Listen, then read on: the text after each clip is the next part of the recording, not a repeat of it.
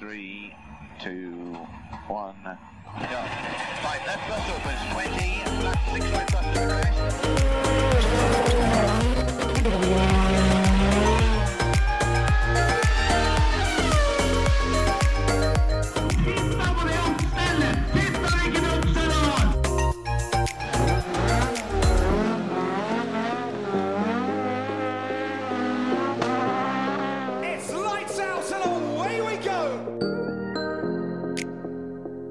Ja, da er vi jaggu tilbake, gutter. Å ja. Vi overlevde den første uka. Hvem hadde trudd? Jeg? Jeg Ja, ja, to, to mot én. Jeg tar den. Jeg gir meg. Dette er eh, episode to av uh, Føremøtet. Den eh, helt nye podkasten som eh, vi håper du eh, allerede har fått med deg. Og hvis ikke, så får vi si velkommen, som vi gjorde forrige uke. Vi eh, får jo da begynne med opprop. Terje Flåten. Her. Emil Antonsen. Her. Og jeg heter Kjetil Flåtten og skal være deres eh, ja, løpsleder, er det lov å si? Nei. Nei, er ikke det? Det er ikke lov. Det er, ikke lov. Ja, er du jury, er det det du prøver å hinte deg inn til? Oh yeah, juryformann. Greit, da går det til appelldomstolen her borte. så. Nei da, men eh, vi eh, er nå tilbake. Vi kjørte en sånn promopilotepisode forrige uke. og Tenkte vi skulle prøve å putte på litt mer innhold denne gangen. Så Terje, hva er det som har skjedd siden forrige uka? Jeg kom videre i Candy Crush. Gratulerer. Takk. Ja, ja, ja. Ja, nivå tre er en jævel, har jeg hørt. Ja, Ja, ja, men Hvem eh, nivå er du på? Sånn helt uh, Jeg er 2200 et eller annet. Okay, Da er du et par tusen foran meg. Oh yes. Jeg har ikke appen engang. Så Nei, nei. Men eh, ja, ja, så til alle dere andre som hører på, eh, dere kan jo, eh, kan jo kommentere under der dere hører dette her sånn. Hvor dere er i Candy Crush, og har Terje noen å bryne seg på, kanskje? Ja, det var det veldig fint. Nei, det har jo vært uh, Sigdalsrally, da. Ja, der var jeg. Der var du. Så det har jeg gjort, da. Ja. Hva har du gjort, Emil? Eh, Ikke så mye. Skal vi ha res res da, da var det greit. Kan vi, kan vi bare konkludere med at da vant jeg den forrige uka? Og så kan vi prate litt om det jeg har gjort. Eh, Ja, det kan vi gjøre. Mer meg i monitor. Yes. Fyr. Ja, Sigdal. Det var moro. Jeg eh, tok meg en tur inn på Lettmålia-prøva og kosa meg gløgg i hjel, egentlig. Det var eh, skikkelig moro. Veldig lenge siden jeg har vært på rally, så ja, jeg kosa meg. Var det like moro som sist? Ja, det vil jeg vel eh, nesten si. Kanskje til og med moroere. Var det like kaldt som sist? Nei, det var det ikke. Nei. Det var ikke så kaldt. Det var veldig behagelig. Det var nok litt av totalpakka. Som gjorde opplevelsen litt bedre. Det som irriterte meg litt, bare for å få det unnagjort, var at vi eh, dura jo oppover i eh, håp om å dra på denne her publikumsplassen som var eh, annonsert. Og den skulle være ja, det var både 400 meter og 600 meter og det ene og det andre etter eh, start. Med egen innfartsvei dit, da, så du kunne kjøre inn og ut som du ville. Og i og med at jeg hadde med meg guttungen på fire som var på sitt første rally, så tenkte jeg det var en perfekt uh, ting for meg. Hmm. Men den, uh, altså publikumsplassen fantes jo, innfartsveien eh, fantes ikke, og vi, vi kjørte i omegn rundt Lettmålia i lang tid for å prøve å finne den. Det var en litt sånn kjip start, for vi, vi kom litt uh, seint på plass og sånn, men uh, får ikke håpe det var så veldig mange andre som uh, hadde det problemet, for uh, bortsett fra det så syns jeg egentlig det var helt topp. Ja, det så ut som at det var bra forhold òg. Veldig. Vi trodde jo det skulle bli litt dritt da, med at det var eh, seks plussgrad, seks plussgrader til og med, og regnvær uh, dagen før løpet. Men i hvert fall inne på Lettmålia så var det ordentlig isåla og til og med litt brøytekanter. Og det, ja, ja, det Der som jeg sto, så var de fortsatt på isen etter to, eh, to gjennomkjøringer med over 80 biler. Det er godkjent, altså. Veldig, veldig godkjent. Altså, vi hadde jo også en gjettekonkurranse Ja. før løpet. Altså i første episode, da tippa vi hvem vi trodde skulle vinne. Um, jeg tippa Mats Østberg. Um, han vant hele dritten. Han uh, vant. Ja, Vi ga vel også uttrykk for at det var litt feige lag, at du bare valgte Ja. han først. Ja, um, det får så være. Så vi, vi var på en måte litt enige. Så Førermøtepodkasten tippa riktig. Jeg tippa riktig, ja. Uh, Emil tippa Steve Røkland. Han vant klassen sin. Yes, Ja. sir. Så egentlig så har vi hver vår seier. Du tippa Johan Kristoffersson. Ja. Åssen syns du det gikk? Han blei beste blå polo med Volkswagen-logo på panseret. Ja. Det mm, kan godt hende. Så det var nesten, da. Ja. Var ikke så langt unna. En plass å ende på? Um, han kjørte vel ut på SS1, tenker jeg. Ja. ja, ja. den, den, den første. Jeg har uh, jinxa verre ting før. Ja. Så det Nei da, det gikk ikke så veldig bra for Johan sånn sett, men eh, jeg tror han kosa seg litt allikevel. Han satte seg eh, fint forbi der jeg sto første gangen. Andre turen så var det så mørkt, så da så jeg ikke hvem bil som var hvem eh, hver gang. Så hvis han var en av de som satte seg veldig forbi, så gjorde han det andre gangen òg. Det, det, det, det kan jo hende. Han hadde jo ikke noe å kjøre for etter uh, første etappa. Men da har jo han da gjetta én av én som har dratt av. Ikke fullført. Mm. Skal vi se om dette blir noe som fortsetter, sånn at ja.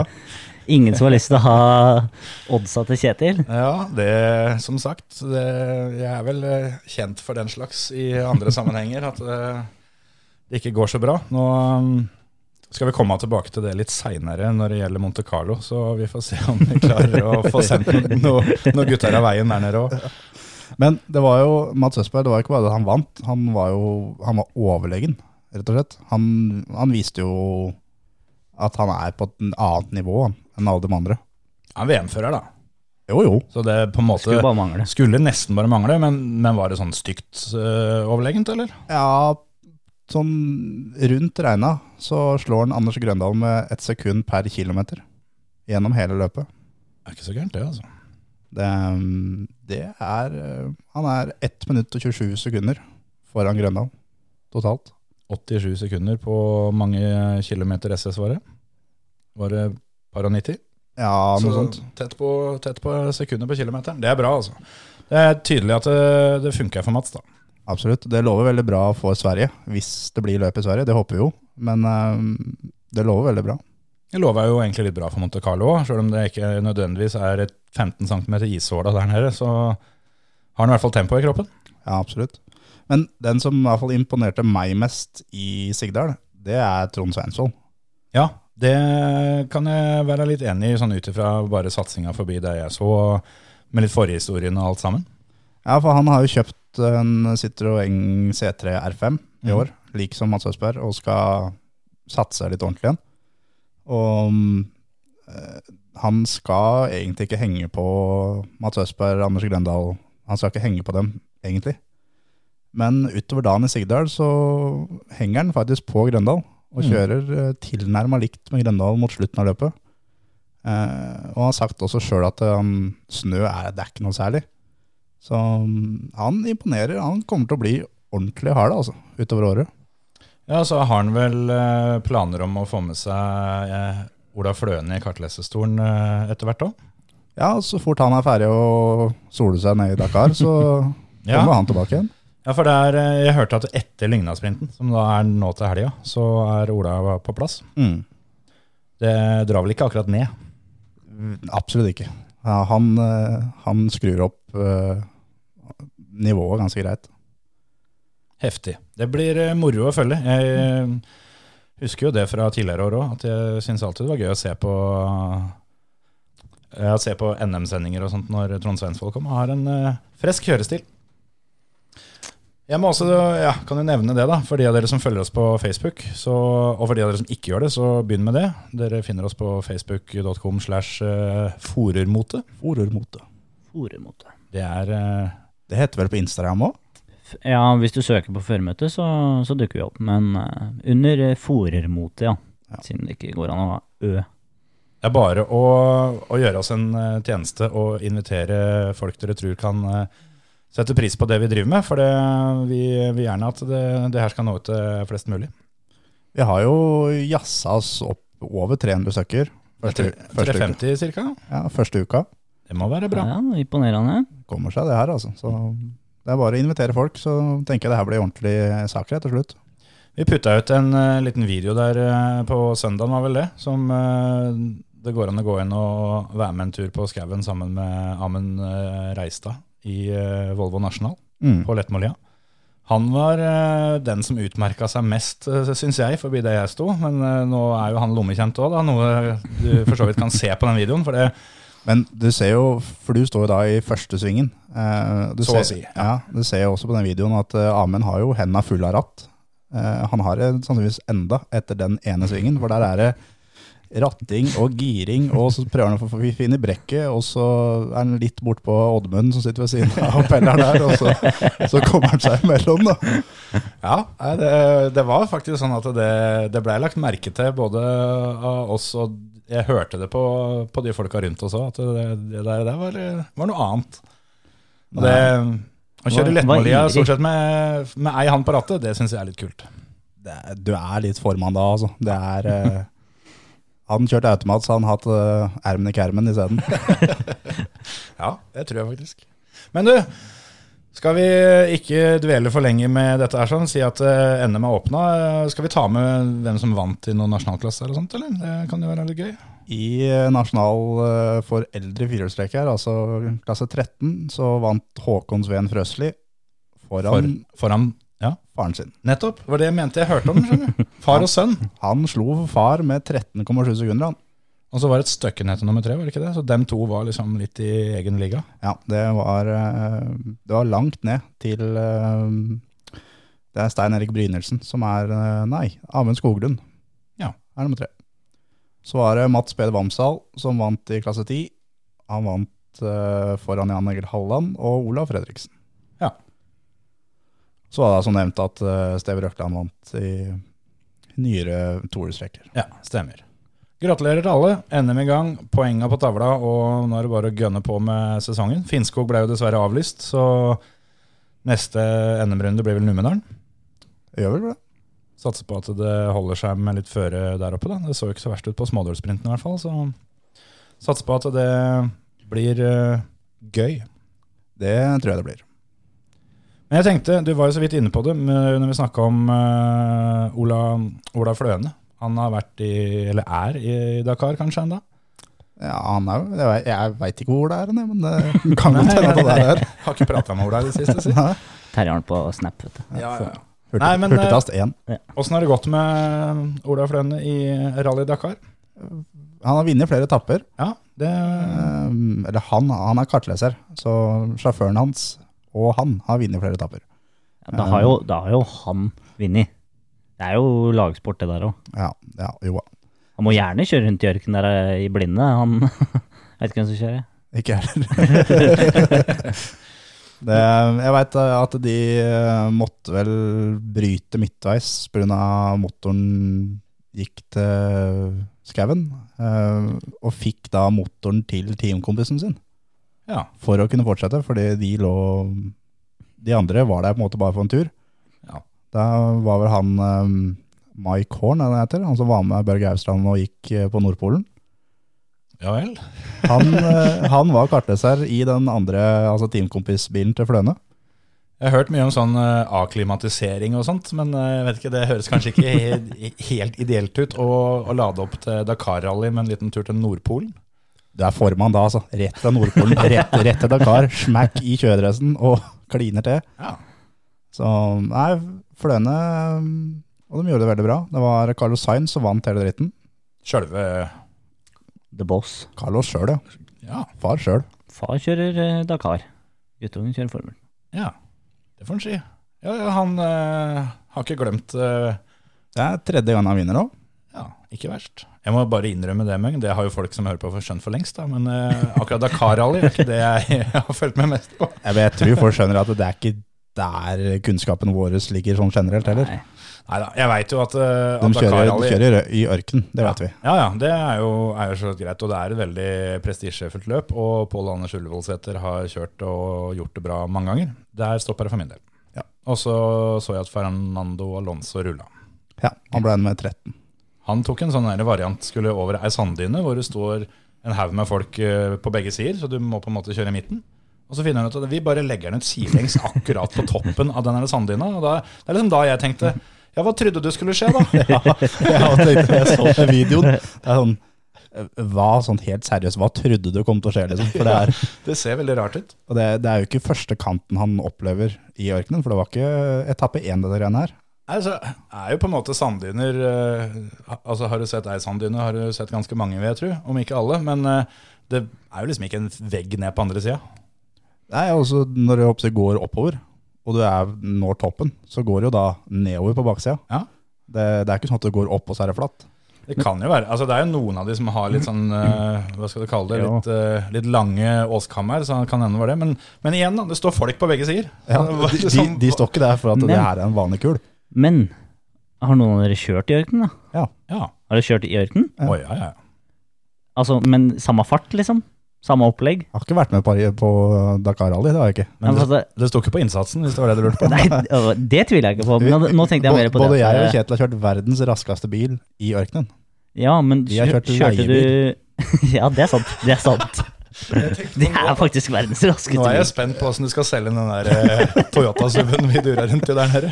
Ja, men det, det, det har Det er jo sant, Jeremy Clarkson har sagt det, at leiebil er verdens raskeste bil. Okay. Det er sant.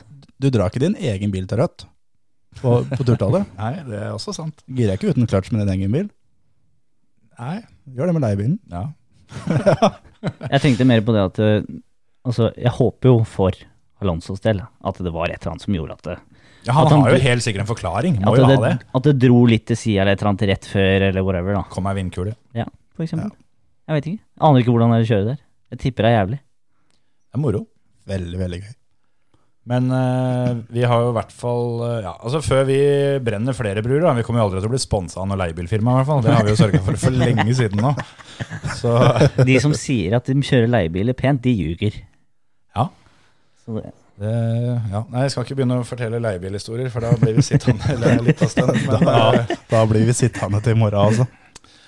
Terje husker noe opplegg med en Yaris over Vivestadåsen, som også er kjent rallyetappe, så vi lar det ligge der. Å, fy faen. Men Den eh, Yarisen hadde rosa pels på rattet, husker jeg.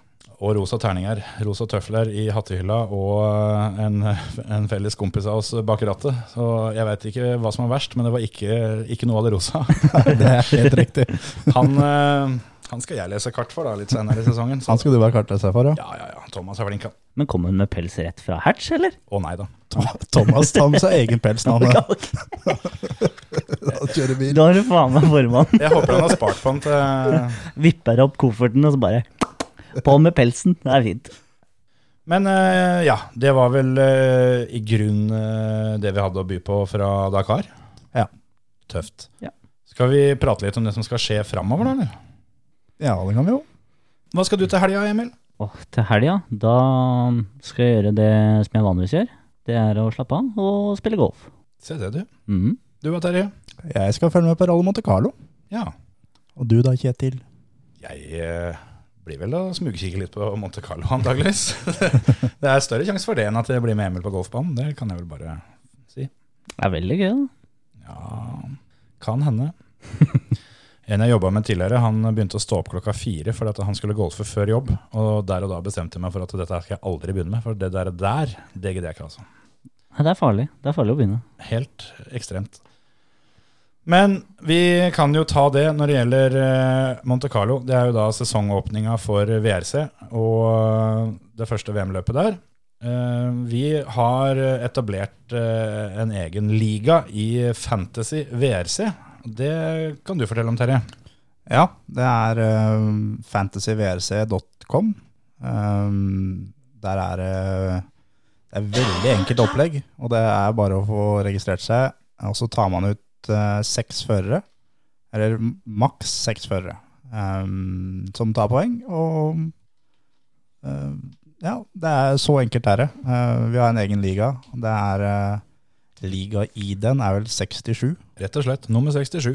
Um, søk inn den på ligaer, og så kan du være med. Jeg har satt opp mitt lag. Det lønner seg å ha seks sjåfører. Ja, det er det beste. Jeg tok bare fem, jeg, da. Omgjør å ha flest mulig poeng. Flest Ja, mulig folk, flest ja. mulig poeng. Da setter du opp uh, førere, og da har du alle i VRC-klassen og R5-klassen. Er det ikke sånn å forstå? Og Jo. de uh, konkurrerer på like vilkår. Det er litt viktig å få med seg. Så det er den som er først til mål. Der er jo VRC-bilene eh, i favorittsetet, da, for å kalle det det. Så det kan jo være et tips å prøve å få med seg i hvert fall et par av de WRC-gutta.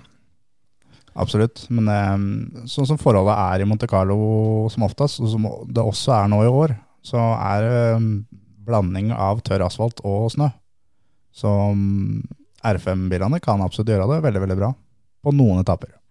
Det er jo en del nordmenn som skal kjøre R5 i Monte Carlo òg. Ja, vi har jo to på meg. Ja, to og tre kvart. Ja. Det er eh, Mats Østberg, eh, Ole Kristian Weiby og Oliver Solberg. Ja. Alle sammen i R5. Det blir tøft. Fryktelig kult. Oliver eh, kjører vel i utgangspunktet kun for eh, trening. Er vel ikke påmeldt i noen mesterskapsklasser eller noe sånt nå? Nei, han starter eh, ganske langt eh, bak på veien, og skal vel bare få erfaring Ja. og komme seg gjennom. Er vel eh, et løp det er viktig med erfaring i òg, sånn med tanke på seinere sesonger. For det, det er jo ikke noe hemmelighet at det her er noe Oliver gjør fordi han har planer om å prøve å, å bli verdensmester eh, om noen år. Ja, han skal bli verdensmester så fort som mulig, vi- absolutt, og det har han mulighet til òg, men det er sånn at du er nødt til å ha erfaring for å, for å komme seg dit. Det, han øh, skal kjøre sin egen Volkswagen Polo, Ja. det løpet her nå. Sin egen eller Petters. Ja, Ja, litt ettersom. familien sin. Ja. Familiebilen. Da kjører han jo under svensk flagg istedenfor latvisk flagg. Det eh, handler vel rett og slett om eh, at eh, han bor jo i Sverige og har svensk lisens og alt det der er sånn. Svensk pass og hele dritten. Ja, ja. Men han er norsk. For oss. Han er norsk. For oss så er han det, jo. Ja. Såpass må det Han være. kan få halvt, halvt svensk, det skal han få. Ja, Han kan- er norsk. han Like mye norsk som svensk. Ja. Bor i Sverige, da. Jeg skal heie på han. Ja, det skal vi alle. Jeg eh, kan eh, avsløre at eh, han var til vurdering før jeg satte opp mitt lag på Fantasy VRC. Han er med på mitt. Jaså, du avslører den, ja. Mm. Ja, ja, ja, ja. Emil har ikke satt opp laget sitt, så vi Nei, får se åssen dette går. Sitter og venter, jeg. Det er viktig også, vi får håpe du som hører på får med deg dette i tide, for det, det her stenger jo når første prøva drar i gang på torsdagskvelden. Mm. Gå inn på Facebook-sida vår, så finner dere linken der, eller så er det vel bare er det fantasyvrc.com, rett og slett. Ja, det er det. Jeg tror det kan bli moro. Det er eh, noe som fortsetter gjennom hele sesongen, og vi skal jo følge hele sesongen, så derfor så tenkte vi dette kunne være gøy. Vi har jo også eh, tatt opp en, eh, en annen variant med um, bilspillet Dirt Rally 2.0, som er veldig populært, som vi liker godt. Det er moro. Det er veldig moro. Det um, er, det er så gøy det at det at uh, hjelp. Rett og slett. Så der har vi rett og slett satt opp eh, en, eh, en såkalt klubb som heter bare Forer mot podkast. Det gjør det. Og i den klubben, der kan alle som har spillet Dirt Rally, dem kan melde seg inn der, uansett om du spiller på PC eller Xbox eller PlayStation eller hva som helst. Og så når du kommer inn der, så ligger det da et, eh, et løp som du kan være med å kjøre, som da selvfølgelig er Monte Carlo, og med R5-bil, da, siden det er det vi eh, skal følge, og som er tettest på den største klassen. Jeg har kjørt gjennom løpet allerede, så tiende min minne ligger der og kjører mot. Så det er bare å bli med i den klubben og prøve å gjøre det bra. Ja. Håper jeg du får bank. Det håper jeg òg. Skal ikke stoppe innsatsen herfra. Og det er jo uh, etter hvert, vi kan jo ikke love det enda, men uh, etter hvert som vi kanskje blir større, så kanskje det kan bli noen premier til de som vinner de løpene vi setter opp på. Ja, ja, absolutt. Og planen er jo da at vi gjør dette her med alle VRC-rundene. Uh, I hvert fall om ikke alle er på spillet, så tar vi noe som ligner. Ja. Og så gjør vi det samme med VM i rallycross når den tid eh, kommer, når sesongen begynner der. Så da kan vi, kan vi lage litt sånn leaderboards og gjøre litt gøy ut av det. Det blir moro. Det blir kult. Da er det bare for deg, Emil, å få skaffa deg spillet der. Jeg har det vel til PC, faktisk. Når jeg tenker meg opp. Så det Jeg er jo PC-gamer, ikke konsoll-gamer. Men det går. Det går. Hadde du sagt dette før vi begynte, Emil, så veit jeg ikke om du hadde sittet her. Nei, spørs da. altså. er det ratt og pedaler, så er det jo egentlig greit. Samme faen hva det er for noe. Ja, jeg er i grunnen enig i det. Skal vi eh, tippe litt hvem som eh, vinner Monte Carlo, eller? Skal jeg ikke gå først da, denne gangen her, siden det var feigt at jeg gjorde det først forrige gang. Siden jeg tipper den som vinner. Den som faktisk vinner, sier jo, kommer jeg til å si. Ja, ok. Så da kan dere to gå først. Skal du begynne? Du? Sier Østberg, jeg, da. Østberg Ja. får eh, seier i eh, VRC 2-klassen. Ja. Jeg, eh, da får jeg tippe VRC-klassen, jeg, da. Så uh, tar jeg Thierry Neuville. Da sier jeg Sebastian Ogier. Ok. Feigelag. Ja, vi har en bra, bra trend der, hvor Emil plukker klassevinner her eh, litt lenger ned, og så driter jeg meg ut, og Terje tar vinneren. Ja. Vi får se. Tenker nok det kan bli sånn eh, denne gangen òg. Jeg kjenner jo til de, men eh, det er lettere å følge de norske. Og Østberg er i siget, er i siget. så vi får se. Vi må Satser jo, på det. må jo ta med det at uh, både Østberg og Veiby er jo påmeldt for full sesong. Det er det. Østberg i Citroën, som han uh, testa og tilpassa og utvikla gjennom forrige sesong. Får håpe han eh, er litt mer fornøyd med bilen eh, nå, for det var eh, det var godt med klaging når han kom i mål eh, i fjor. Han var ikke så fornøyd med bilen, men det var jo som sagt under utvikling, så det har vel litt med det å gjøre. Mm. Det var litt derfor han kjørte i fjor òg, i, ja. i den bilen. For å rett og slett utvikle den. Det så ut som han funka på Sigdal, så vi får satse på det blir bra flyt gjennom sesongen eh, i VM òg. Veiby har jo fått seg kontrakt eh, med Hundai. Han skal kjøre full sesong som eh, fabrikksfører for Hundai i, i da R5. Han er ikke i, i VRC. Ja, Og ellers Åssen går det på andre sida av bordet her? Jeg har jo, jeg hadde jo et lite håp om at det er noe sånn filter og ting som skulle ta bort det at, eh, at jeg eh, jeg, jeg tror lunga di ligger på gulvet der. Det føles litt som at, eh, at lunga ligger på bordet her nå. Ja da. Ja, nei, men du sa. Jo, Veiby. Han skal kjøre full sesong for Hundai. Teamkompis med Andreas Mikkelsen, eller? Siden uh, er Hundai? Mikkelsen har ikke noe kontrakt ennå. han. Eh, kjørte Hundai i fjor. Ja. Eh, Kontrakten hans gikk ut, fikk ikke noe ny. Han veit ikke hva som skal skje med enda. Han uh, prøver jo å få et opplegg med å kjøre Hundai han òg, men da uh, på utsida av fabrikkstimen, på en måte. Han kjører en privat Hundai med en privat sponsor, da. Ja. Så mm, Veiby kjører da i klassen eh, under VRC ja sammen med Ja, samme da som Oliver og, og Mats. Ja. Eh, skal vi blåse kjapt gjennom teamet? Det har jo blitt litt endringer på hvem som kjører hva. ja, det kan vi jo. Fjorårsverdensmesteren Ott Tanak, første verdensmesteren som ikke heter Sebastian og er fransk siden Petter Solberg i 2003, Det er sant. han har bytta team. Det har han. Han eh, har bytta til Hundai. Tøft. Han tok jobben til Andreas. Ja, egentlig. Mm. Og det er eh, teamsjefen til Hundai er litt sånn eh, Han skal toppe laget. Han har eh, da Otanak, Thierry Neville, Sebastian Løb og Daniel Sordo. Neville og Tanak skal kjøre alle rundene. Eh, Løb og Sordo skal dele på den siste bilen. Ja. Det er ikke noe dårlig team, det der. Men når, når du har så bra lag at du kan ha Løb som reservefører, da det sier litt om, eh, om gutta. altså. Bruker han som sånn supersub som kommer inn og avgjør på slutten der. Han er eh, Hundai sin Solskjær, han. Ok. Hva gjør det Sordo? Nei, si det. Og det mm, Toyota har uh, bytta ut alle tre førerne sine. Ja, for de hadde jo et helt eh, sinnssykt lag i fjor, egentlig. Ja, de hadde jo da Tanak, som var helt outstanding. Så hadde de eh, Latvala og Chris Meek. Ja. Hvem, Og hvem skal de kjøre for nå? Latvala og Meek er eh, borte. Oi. Ikke borte fra verden, men borte fra Ja. VLC. De stiller ikke til start, Nei. men uh, Latvala skal kjøre noen utvalgte runder privat. Um, men Toyota har da um, Sebastian Augier som førstefører. Så har de um, Irfen Evans som uh, andrefører, og Kalle Rovenpera som tredjefører. det er jo spennende, da. Evans kommer fra Ford, Ja, Kommer fra Ford. Og Rovanpera kommer fra WC2, hvor han var ganske overlegen og ble verdensmester i fjor. Jepp.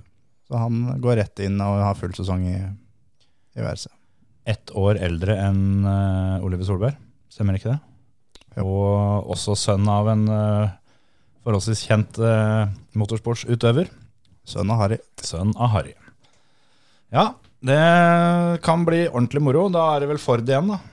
Ford så er det SAP Kalapi og Timo Sundin og Gus Greensmith som skal, skal kjøre, kjøre de bilene gjennom, gjennom året. Gus Greensmith for første sesongen i VRC, da, eller? Er Ja. Okay. Han kjørte noen løp i fjor og er henta opp og kjører, eh, kjører da full i år. Spennende. Løpet begynner torsdagskvelden med et par uh, prøver, da vel. Jeg var inne og så på um, oversikten her, uh, her for litt siden, og gjorde grundig research før jeg etter ganske lang tid fant ut at jeg satt og så på etappene fra i fjor. Så jeg veit egentlig ingen verdens ting om det. Så om det er likt som i fjor, så har jeg full kontroll. Stålkontroll. Er, jeg tror det er litt sånn det nivået her vi kommer til å ligge på, ja, sånn researchmessig gjennom året i år. Det er ganske enkelt å tippe vinner her, og sånn, hvis vi kan ta utgangspunkt i fjoråret. Ja. Nei, Det begynner torsdag, to SSR, og begge er ganske lange, tror jeg. 17,5 og 25,5 km. Det er jo ganske frisk start, det, da. I mørten nede i Monte Carlo. Så har jeg også sett da på etter gjennomkjøringene at eh, de sier at eh, SS1 er eh, tørr. Der er det bare asfalt. SS2 er full av snø og is. Ja, og det er ikke noe service imellom. Nei da, de må velge eh, da dekk for begge prøvene. Så da må de velge, skal de tape litt på SS1 og tjene mye på SS2 og ha vinterhjul, eller skal de tjene mye på SS1 og ha sliks, og Dra på SS2. Det høres ut som eh, piggfrie Hakapelita her. ja, hakka på litt.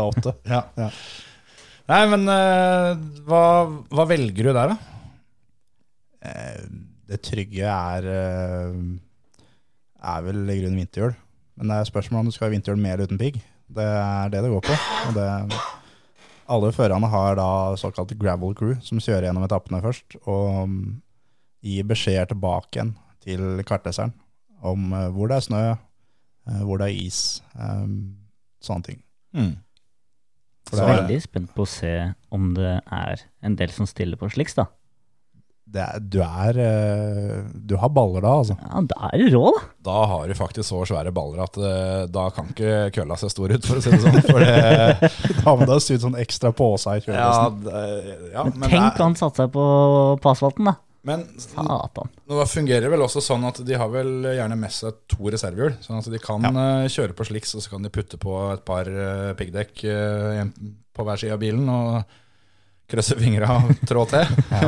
Det er, det er sånn som forholdet er nå, som det ser, sånn- ser ut som det er, så er det sånn løp det blir. At det blir eh, Du må bli, være sånn halvveis kjapp på alle etappene. Du kan Mm. ikke være superkjapp på Uansett åssen dekk du velger, så er det feil et eller annet sted. Ja. Monte Carlo har vel også en annen eh, funksjon som eh, er litt uvanlig, og det er at eh, det er ikke noe superrally-regler. Nei, bryter du, så bryter du. Der er du ute. Der kan du dra hjem, ja. Får ikke være med på powerstage, ingenting. Nei, nei, nei. Festen etterpå får du lov å være med på, da. Ja, du er vel antageligvis godt i gang. Litt uh... Bryter du torsdagen, så, så er det et langt forspill, ja. Ja.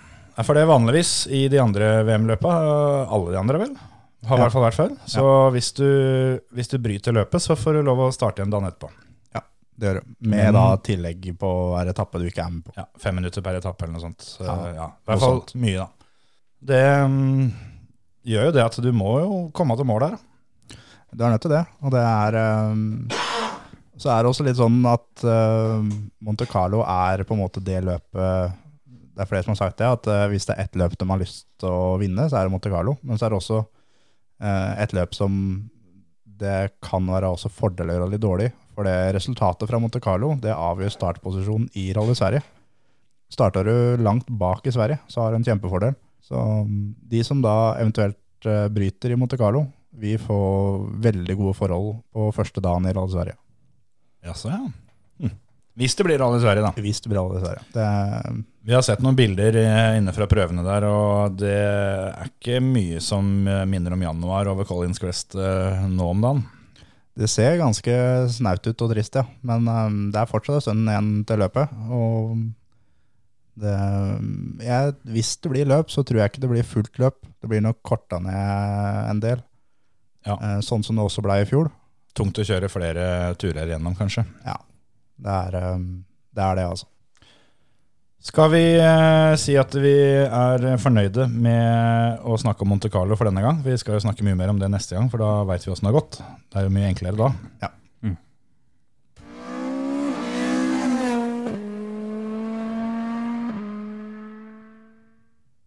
Så da går vi heller over til Det var eh, fin lyd. Ja, det var en veldig deilig lyd. Liker. Det, ja. Helt topp. Ordentlig liten karamell, rett og slett. Vi eh, kjører del to av podkasten med en, eh, en spalte vi lova å kjøre forrige gang. Og det var jo at vi skulle ha med en gjest. Vi skal ha gjest, ja. Vi skal ha gjest. Men eh, nå klarte vel aldri eh, Terje og jeg og Emil å bli helt enige om hvem som skulle booke gjesten. Nei, Nei. det Jeg trodde du gjorde det, og så Jeg Jeg- trodde du gjorde det. Jeg regna med at Emil skulle ta det. Ja. Ja. Men uh, da får vi jo bare ja, ta det vi har, da. Og uh, av oss tre så er det bare én som har noe spennende å fortelle. Det, Ja, jeg, jeg kan jo stille opp, jeg. Det er ikke noe problem. Det er mye gode historier på andre sida av bordet her. Ja. Vi, har jo, vi har jo ikke akkurat satt noen aldersgrense på denne podkasten, så det er bare å fyre løs. Men eh, Nei, jeg tenkte som så at uh, det kan jo være litt gøy for de som hører på, å bli litt bedre kjent med oss som sitter her. Uh, det er ikke så mye å fortelle om meg, så da får vi ta dere, da. Ja, Det er ikke så fryktelig mye å snakke om med meg heller, altså. Nei, da tar vi Emil. Ja. Ok. Det Velkommen, du er ukas gjest. Takk, takk. takk, Ukens takk. gjest, Emil Antonsen.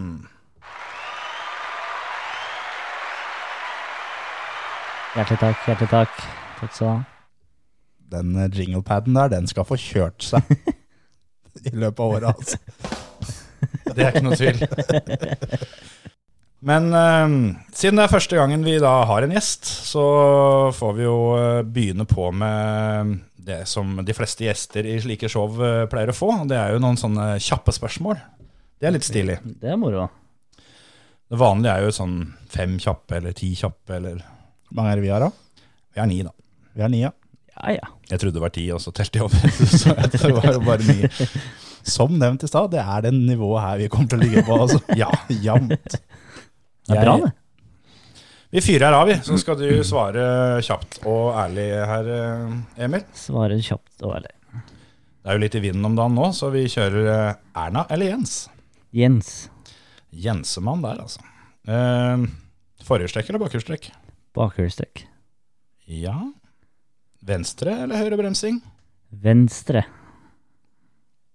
Venstrelabben der. Yes. Pigg eller piggfritt?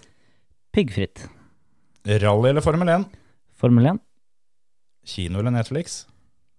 Kino. Ok, Ja, der kino. var, da var det en tvil. ja. Netflix er veldig digg av og Chill. til. Ja, det òg, men veldig fan av kino. Da får du popkorn. Da får jeg popkorn og stort lerret, god stol, god film. Manuell eller automat? Manuell. Jaså, ja. Står ikke så mye i kø, du.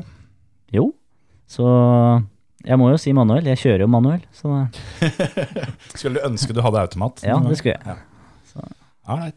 Bensin eller elektrisk? Bensinen. Understyring eller overstyring?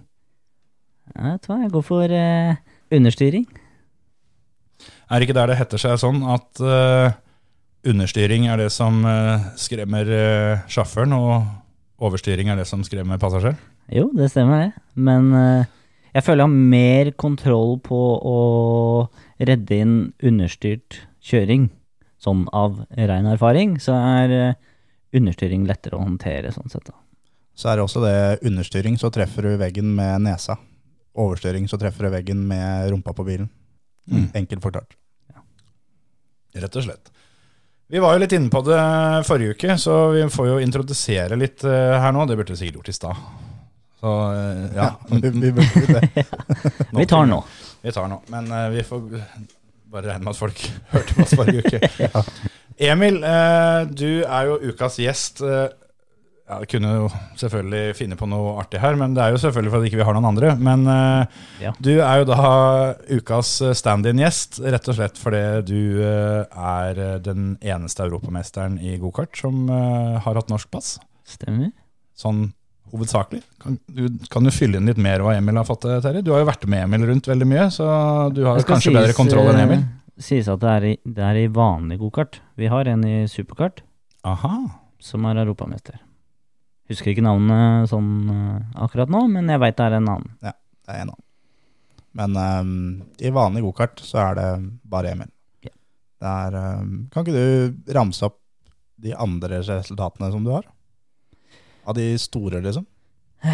Ja, nei, jeg har en uh, andreplass i VM. Um, jeg har en andreplass i VSK. Jeg har en uh, NM-tittel. Jeg har uh, sølv i NM.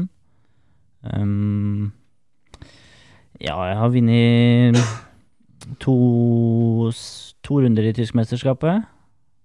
Eller én runde i tyskmesterskapet og én i ja, et annet løp i Tyskland, for så vidt. Første KV3-løp i Tyskland.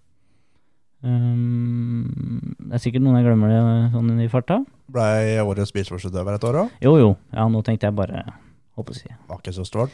Nei, det var ikke så stort. Nei, nå tenkte jeg mer plasseringsmessig, da. Men eh, En av få innehavere av gullrattet, stemmer ikke det? stemmer. Det er litt tøft. Ja, moro, det. Det er ikke så voldsomt mange som har vært yngre enn deg når de har fått det. Nei, det var vel bare Dennis, tror jeg. Olsen. Som er yngre. Ja. Eller var yngre når Mm. vi fikk den. Så har du jo eh, kjørt mot en del eh, folk som eh, folk flest veit hvem er. Ja, det er sikkert veldig mange som kjenner igjen en god del i Formel 1. Akkurat per dags dato så er det vel Du nevnte vel han ene i stad. Ja, Carlos Sainz jr., Mm. blant annet. Um, vi har jo sånn som Charles Leclerc. Vi har uh, Kevin Magnussen. Max Verstappen. Lando Norris. Fin bukett, da. Jeg føler jeg glemmer igjen. Men eh, ja. Det er i hvert fall en god bukett. Absolutt. Ja.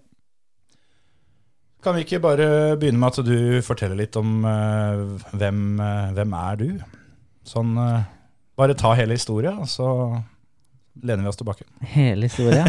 ja, nei, det Nei, det begynte på en parkeringsplass på papirhuset på, på Vear her i Vestfold.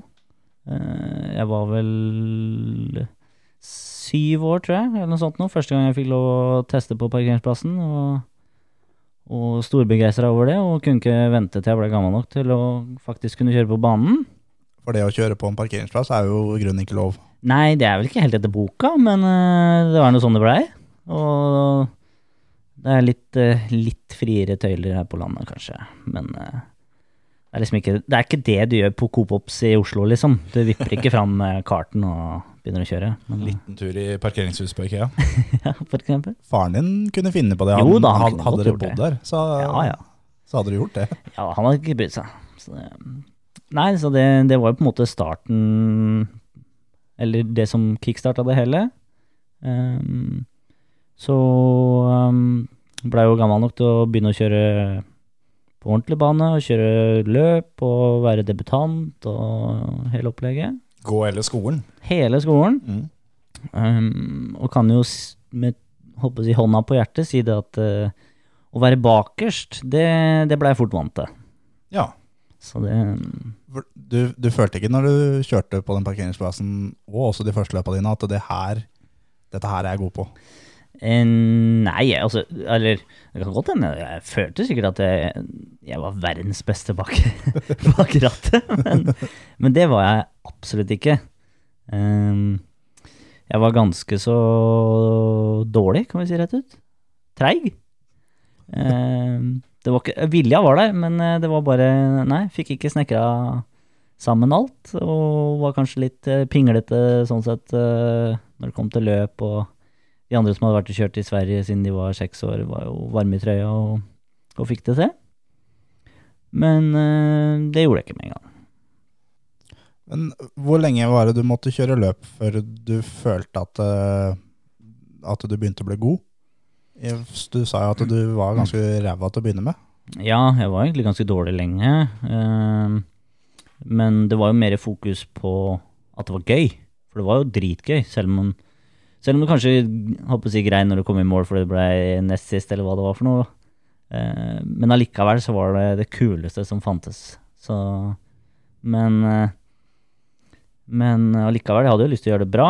Og første på en måte ordentlige oppturen var jo eh, t- håper jeg, hadde en tredjeplass på, på Varna. Når jeg kjørte Mini med mm, Arild Grøteig, faren til Mats Franer, som eh, kjørte litt Formel Ford og var veldig, veldig god i gokart eh, for en del år sia.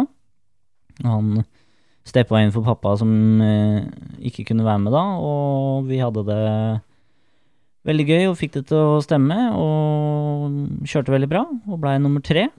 Da, da kjente jeg jo på at, at det, dette er eh, det, må være god. Dette, dette fikk jeg til. Dette kan vi bygge videre på. Men eh, det blei jo det, da. Blei med å bygge videre på. Det var jo tilbake til realiteten litt uh, seinere, og på en måte litt lenger opp i feltet, da, enn eh, nest sist. Men eh, allikevel, det var ikke, det var ikke sånn at jeg blei god over natta da. Men eh, Det er det svært få som blir i motorsport. ja.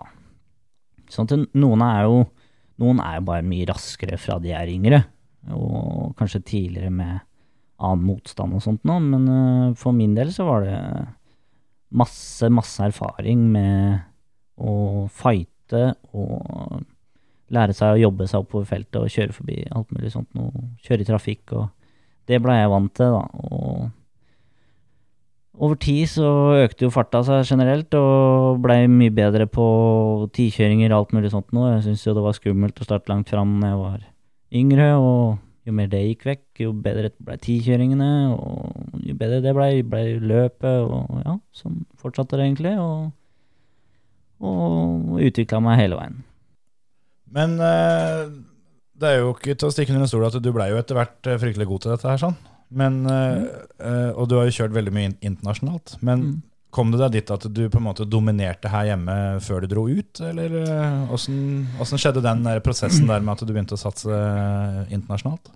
Jeg, dominerte eh, overhodet ikke hjemme, men eh, det var egentlig eh, Det var når jeg kjørte IK junior, het klassen, da, da begynte vi å kikke etter muligheter å utfordre meg sjøl enda mer på, kjøre mer løp.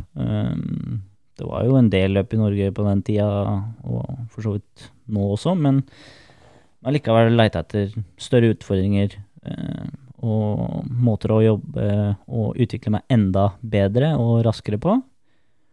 Og um, vi har jo en god venn av oss uh, i Stian Paulsen, som har vært uh, veldig, veldig dyktig bak rattet i mange år, og kjempeflink eh, og hadde en kjempeopplevelse i Tyskland Mm.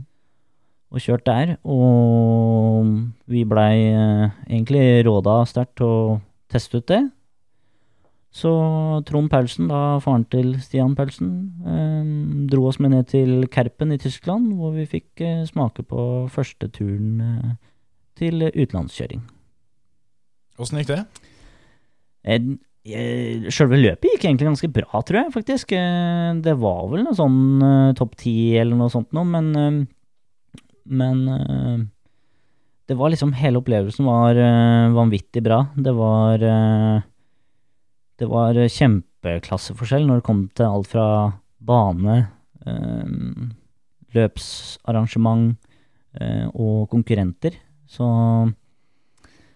det det var bare veldig mye bedre, så og, og jeg kjørte ganske fort der. Jeg likte banen veldig godt, og vi fikk det til å stemme med kart og motor og, og sjåfør. Så da hadde vi et bra resultat, og det førte jo bare til at vi hadde lyst til å kjøre enda mer i Tyskland.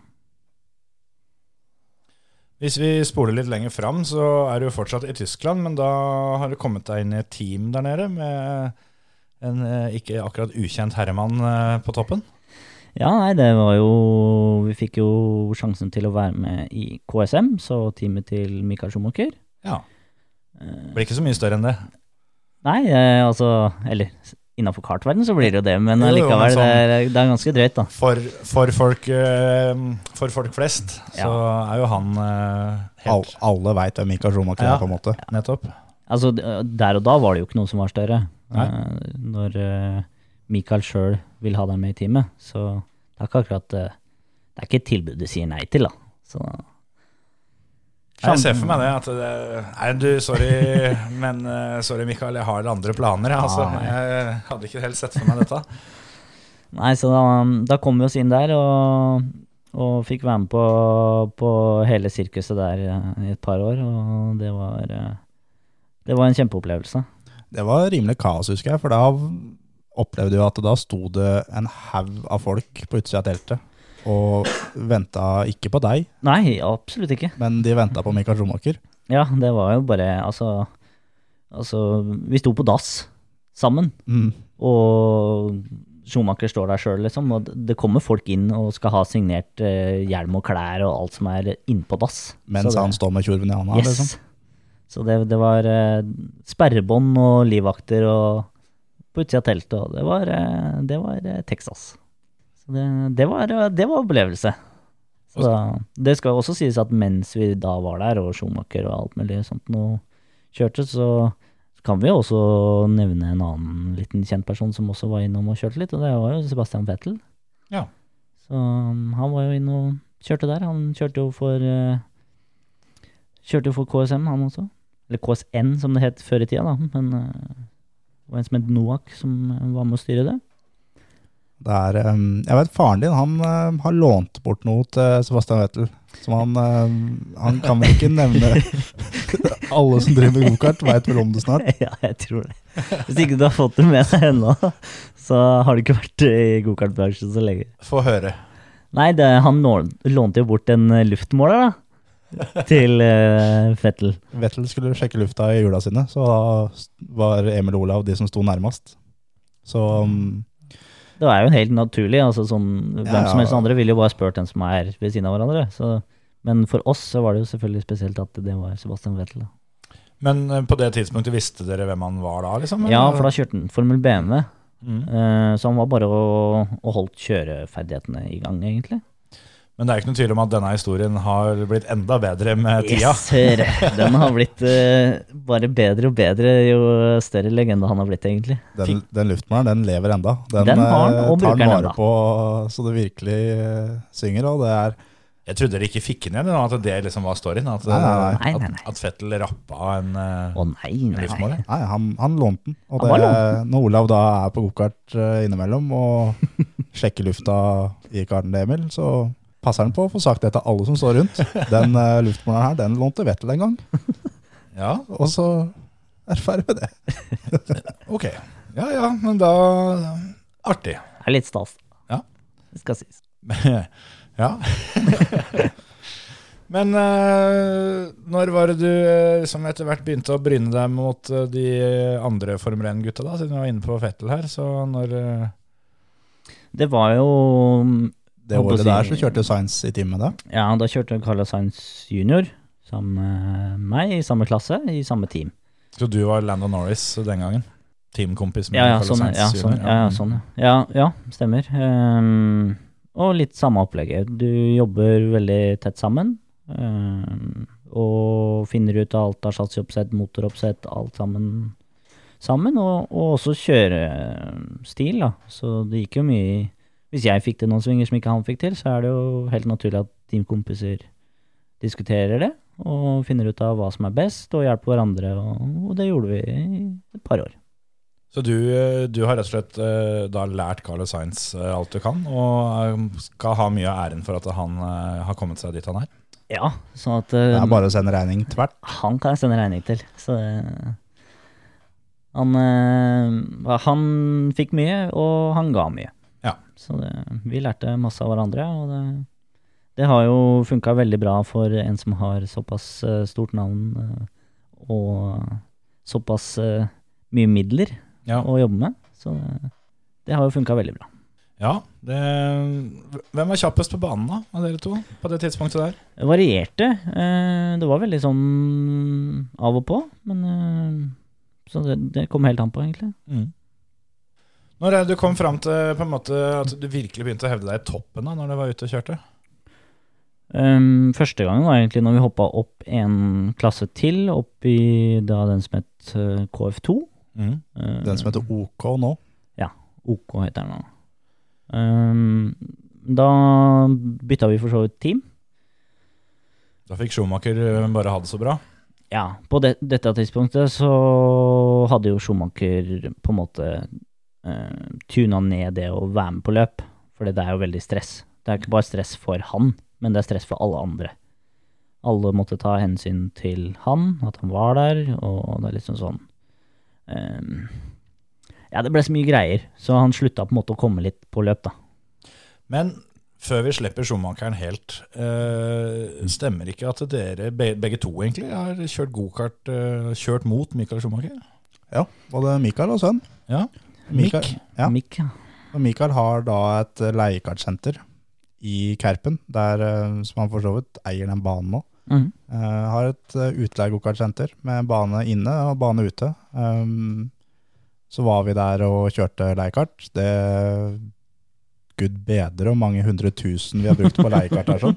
Det, det er skremmende, faktisk. Men um, det var fryktelig, fryktelig moro. Og så kjørte vi inne, og da var det sånn tavle som vi kunne se navnene våre og tidene våre. Um, så husker jeg at vi måtte sitte og vente en stund før vi ble sluppet utpå. Uh, uten at vi visste hvorfor det. Um, og runder jeg svingen og ser den tavla, og da ser vi da i bånn så står det F1, F2 og F3. Så sies alle vi andre hadde vanlige navn. Ja, på oss så sto det da Emil og Terje og Frans mm. uh, og så videre. Um, så sto det F1, F2, F3 i bånn. Um, og skjønte ikke så mye av det, og jeg og Emil vi kjørte jo og fighta, og uh, vi var ofte i toppen. Vi var én og to. Det er sånn. Og så var det plutselig at F1 Drev og blanda seg inn litt. ja, drev liksom og Yppa. ja, var yppa og var liksom fighta med oss tre. Vi bytta på oss tre. Da var det én, to og tre. Um, og så begynte vi å ta igjen da noen som hadde stått uh, starta litt lenger bak. Uh, og så syns vi at vi kjente igjen uh, skjerfet til han ene. Vi hadde da vært og møtt Mikael Schumacher tidligere på dagen. Ja, ja, ja. Det var under åpninga av teamet, Åp- åpning av teamet, ja. Um, så begynte vi å, å ta dem igjen, og da ga vi på en måte jeg og Emil tegn til hverandre mens vi kjørte, at nå må vi samarbeide for å virkelig ta dem igjen. Um, da Mikael klarte vi ikke å ta igjen. Men uh, sønnen hans, derimot, som er tippa en veldig god karriere innenfor motorsport, ja. Han må vel ha vært tre år på det tidspunktet? han var vel kanskje Han var vel 11-12 eller okay, noe sånt, ok. tror jeg. Ja, ja, ok. Jeg vet ikke. Nå Jeg bare den- tenkte, for han er vel ikke sånn han er ikke veldig Han er vel gammel nå. 20 eller noe nå, er han ikke det? Jo, så det Ja, han var vel kanskje rundt en ti år eller noe. 10-11 Ja, 10-11. 15-16 snart. Ja. Og det, han klarte vi å få tatt igjen, da. Og da, vi visste jo ikke da at det var Mick Schumacher, sønnen til Mikael. Nei, nei. Eh, Vi visste at det var en liten telp. Det var F2. Ja. og, det, um, og så hadde vi alltid sånn når vi kjørte, at vi eh, Vi og Emil var opptatt av å sette beste rundetider. Og for å få gjort det, så må du få kjørt uh, aleine. så når vi tok igjen folk, så den som lå foran av meg og Emil, vi, uh, den fikk lov å prøve én gang på å kjøre forbi. Hvis ikke den klarte det, så måtte den da slippe seg tilbake og la den andre få lov å prøve. Eh, når vi tok en mikk, så var Emil først. Og mm, klarte ikke å få komme seg forbi, for når du er 10-11 så har du ikke så mye sidesyn, så du vrenger inn da. Eh, Så da vinka Emil meg forbi, og mm, Noe sier meg hvor dette her skal gå hen. Jeg slapp fram plogen. det mm, Ja. Jeg er ganske sikker på at hvis du drar ned til det leiekartsenteret den dag i dag, så sitter Mikk oppi dekkstabelen der ennå.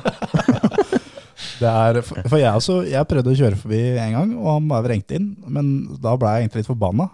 For det Vi hadde ti minutter på oss på et pass da, for å få kjørt. Ja, ja. Um, og Emil har prøvd en gang, og det gikk ikke. Det var ikke gratis, dette her. Nei, absolutt ikke. Uh, og så skulle vi snart spise middag, så vi hadde dårlig tid. også. Så jo, Emil prøvde en gang, det gikk ikke. Jeg prøvde neste gang, det gikk heller ikke. Så tenkte jeg at jeg gidder ikke å sjefe på Emil, for vi må, bare, vi, vi må bli kvitt han der lille tassen. Så inn mot ei hårnål etter ei ganske lang langslette, så um, istedenfor å legge meg helt inntil da mikk og bare skyve den ut, så ga jeg han en halvmeter, sånn at det virkelig smalt litt. og Ja. mikk bremsa, det gjorde ikke jeg. Eh, Mick kjørte ut, det gjorde ikke jeg. Du klarte svingen. Det gjorde ikke han. helt riktig. Ja, så Den ti år gamle sønnen til Michael Schumacher fikk uh, rett og slett smake dekkstabel. Det er helt riktig. Og det, vi kjørte jo videre. Vi, det er jo på nesten litt vanlig, for det gjorde vi med flere. Det var ikke noe sånn hint av at det var så vidt du så liksom hjelmen over stolryggen på en leiekart der. At det, du, du så jo at dette her var ikke en voksen mann. Ja, men da kunne du kjørt på den lille Leikarbanen for ungene, hvis det var det å gjøre.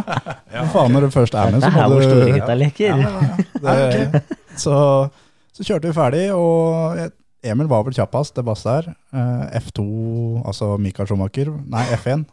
Han var nummer to, jeg var nummer tre. Um, så når vi kom inn, så står jo da eh, Mikael der. Eh, det skjønte vi jo da når vi kjørte inn i depot, at det faktisk var Mikael Schumacher. Ja. Eh, sammen med han så står da lille Mikk. Han på seg maken hjelm som han eh, som du kjørte i dekka. Ja, Ja, yes, det var rart. og Mikk står og griner, og står og Peker på Terje. står og peker på meg. Og snakker da med faren sin og griner og liksom, for å få han til å få tatt meg. Da begynner du å se etter nødutgangen og, Det skal sies og lurer på om du får eh, med karten ut den veien. Det var, det var F1, F2 og F3. Og for de som lurer på hvem F3 var, så var det livvakta deres. Tipp topp. Han, Han måtte jo selvfølgelig være med. Så han, han uh, gjorde ikke så jævla god jobb uh, utpå der, men um, Mikael uh, han smilte og mm, bare nikka og hilsa på oss, på en måte, for han skjønte hvem vi var. Vi, vi kjørte jo da med lakkerte hjelmer, og, så han skjønte jo da at vi drev med der, og hadde også da uh, sett oss tidligere på dagen. Så det, det som da kunne endt med at jeg eh, ikke kom hjem fra Tyskland, eh, fordi at jeg hadde knekt nakken på sønnen til verdens mest kjente motorsportsfyr, det gikk heldigvis bra. Du kunne fort eh, blitt curbsfyll på en bane i Kerpen i, i Tyskland. Det er helt riktig, det var veldig nærme. Jeg skjønner jo hvorfor du forlot det teamet der, Emil. ja, det var, var jo bare stre- strengt dødt det når Terje driver og mishandler ungene til teamsjefen. ja, ordner sånt. Ikke noe bror det. Neida, Nei, det var mye som førte til det, og det var egentlig mm, første muligheten til å gå mot uh, profflivet da, innafor karting. Eh, med da uh, tyske avdelinga til Birell, som tilbød meg en plass der. Og den måtte vi bare takke ja til.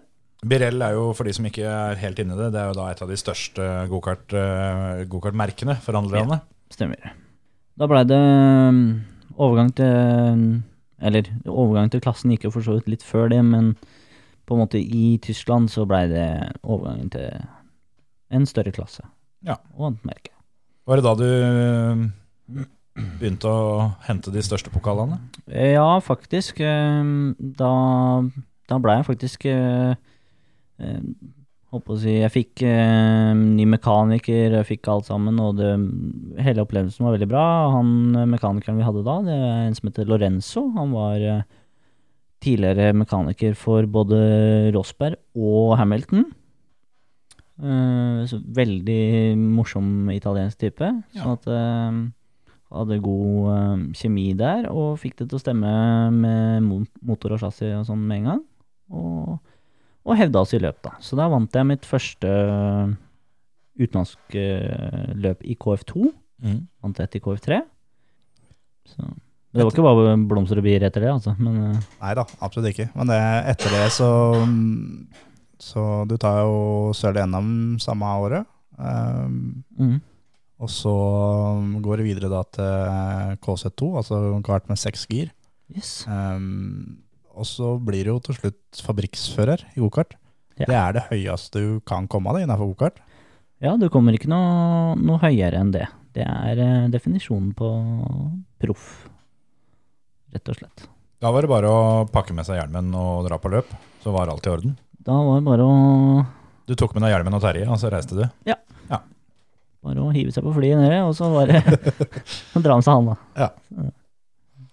Da, når du da kom til det stadiet der, da, at du, du blei satsa på, og alt eh, var tilrettelagt, på en måte. eh, Det var vel fortsatt ikke bare å på en måte hente pokalen, for det var vel flere som deg. Ja, det var veldig mange. eh, ikke minst liksom når du, når du tropper opp i største klassen hvor, og er fabrikksfører, du møter alle de som lever av det og kjører hver dag omtrent, så begynner plutselig nivået å bli steintøft, da. Og det, det var det jo fra før av i tillegg. Men Mm. nå ble det bare ti ganger så ille. Og Nei, det var jo utallige tester og treningstimer og alt fra mentaltrening til eh, fysisk trening og kosthold og you name it. Det var eh, 24-timersutøveren. Den kostholdsbiten, der er ikke Ja, du ja, vært det er et par altså. streker i den regninga der, det, Ja. det er greit. Men, eh, men allikevel. Det Burde sikkert gjort det. burde sikkert ha gjort det.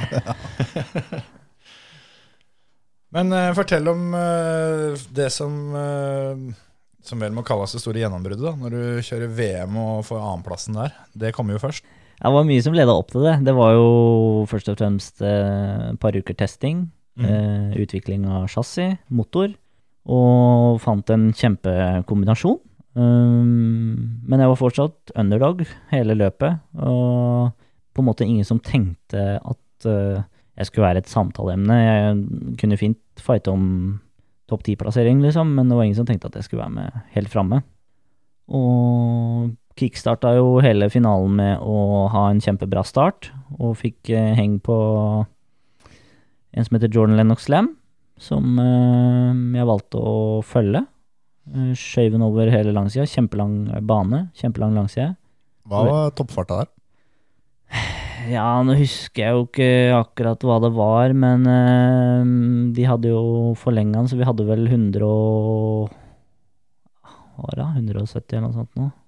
Med pungen en halv centimeter over asfalten. Bokstavelig talt 170 kilometer i timen. en halv centimeter eh, ifra steinene, ja. Asfalt. Curbs, alt sammen. Ja, jeg hadde ikke tenkt på curbsen engang, men Nei. takk for det. Takk for det. Men det er, jo, det er jo også litt sånn når du kjører da gokart da, på en rettstrekke, så er det mer å få lagt seg ned og eh, minske luftmotstanden. Ja. Eh, gjøre det i 170 km i timen. Yes, sir. Det kan jeg love deg. Lå du ikke nede på langsida der, så, så tapte du tiendeler på runda. Men når er det du veit når svingen kommer? For det kommer en sving i enden av den sletta. Ja, vi hadde en sving midt på, for så vidt. Eller ikke en sving, men en knekk. Ja. Sånn at eh, den knekken visste jeg begynte når jeg så første rødstripa på curbsen, som er midt på sletta cirka. Da veit jeg at det er en ørlite grann venstreknekk, så da må jeg bare vinkle rattet bitte litt venstre, så jeg fortsatt holder den rett. Du tok en blindt. Tok en blindt. Ja. Ja, det måtte jo. For da ligger du da bøyd framover Da, Eh, det, med huet mot rattet og ja. oppsi nesa mot Folk kan egentlig Punkt. se for seg at du sitter i, i stresslessen, og så skal du legge huet i fanget. ja.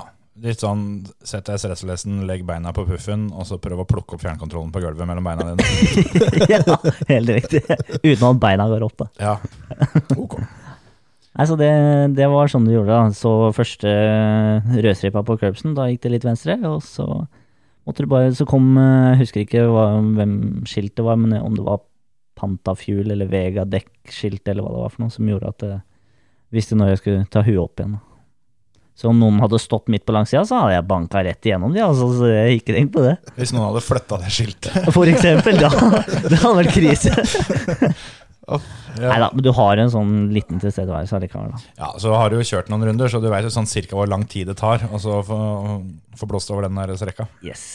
To uker med testing med to til 300 runder eh, på banen der i forkant. eh, Ble ganske kjent med banen. Og hvis du er i tvil, så du, du gløtta litt opp. Ja da, det, du kan jo bare ta huet opp, men da vet du hva du ofrer.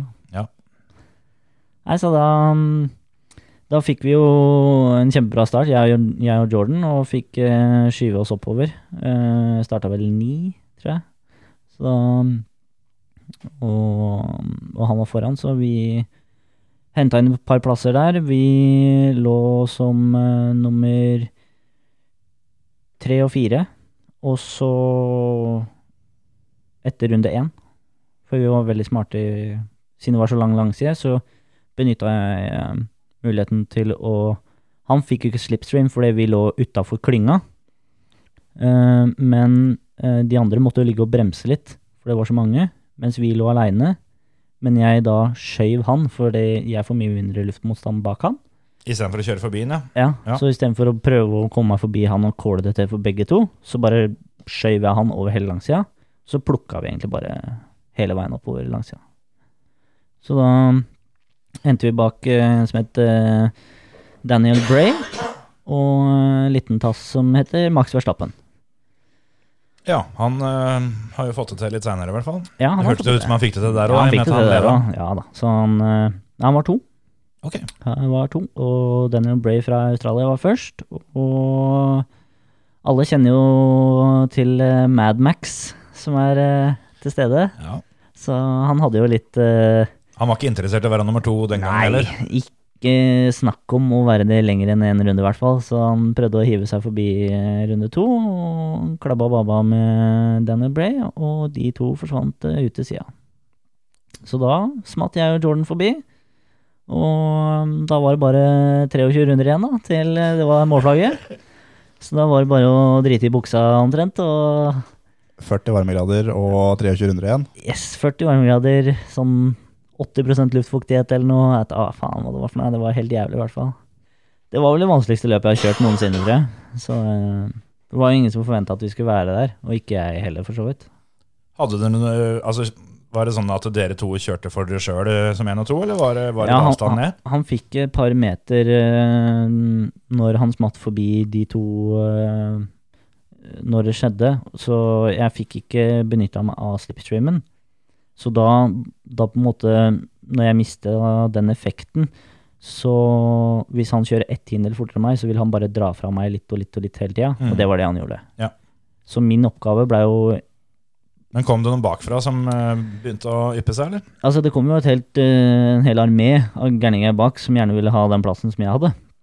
Ja. Sånn at uh, hadde jeg gjort så mye som en eneste liten feil i løpet av de 23 rundene, så hadde jeg sikkert vært nummer 7, 8, 9, for alt jeg vet. Ikke sant? Men uh, det blei faktisk 23 feilfrie runder. Så uh, det er både det vanskeligste løpet jeg har kjørt noensinne, og det er det beste løpet jeg har kjørt noensinne. Åssen er feelinga når det går i mål der, da? For da, da veit du at eh, nå, der satt den. Ja, det, og det var, det var den tanken som traff meg. Um, Men åssen er du når du går i mål på sånn som det der? For det er jo noen som er si, helt uh, uaffekta, som bare Ja ja, det var fett, liksom. Så er det noen som uh, jeg håper å si, De griner og griner og griner og griner. Ja, altså, spyttefunksjonen min funka ikke, men uh, tårekanalene, de jobba på spreng. Du begynte å grine, ja? Om, om en grein, ja. Altså, det var tårer på innsida av visiret. Sånn at eh, det hadde jo spruta, de tårene der. Så det, Deilig. nei da, det, det er som det alltid er. Det er eh, full grining og full jubling. Og da var det gjort. Da var det på en måte Vice World Champion, som det så fint heter. Ja. Hva endra seg da? Nei, da endra alt seg, egentlig. Eh, fokuset blei lagt mer på meg. Eh, skal jo sies også at teamkompisen min blei nummer tre Ja. i det løpet. Så generelt så var det jo et veldig bra løp for teamet. Mm. Men eh, det var jo enda bedre at jeg som underdog med fabrikkens egne motorer, mens da teamkompisen min kjørte med motorfabrikkens sine egne motorer. Aha. Så han hadde et forsprang på motorfronten, men eh, vi tok den da. Så da blei fokuset skifta enda mer over på oss. Og eh, ja, du får på en måte litt eh, prio tilbake til null, da. For den prioen var hos han. Ja, for han var førsteføreren. Han var førsteføreren, og jeg var andrefører. Og nå ble det på en måte bare Det er to førere. Ja. Så da Da endra alt seg, og kanskje mest av alt eh, selvtilliten endra seg. Og plutselig så var nivået knept opp ti hakk. Og resultatene derav, da. Så er det vel ikke lenger enn til sesongen etter, før eh, da har liksom gjort dette VM-greiene, så nå får vi ta E- EM. Ja, skal jo sies at eneste forskjellen for eh, EM og VM for oss er jo han ene australieren som stiller opp i VM. Ja, Ellers er det samme folka. mye, mye samme greia, ja. Ja. Så Men eh, Nei, da, da var det jo EM, da. Første runde i Tyskland og siste runden i Belgia. Eh, sånn at da er det jo poengbasert. Sammenlagt over to løp. Sammenlagt over to løp.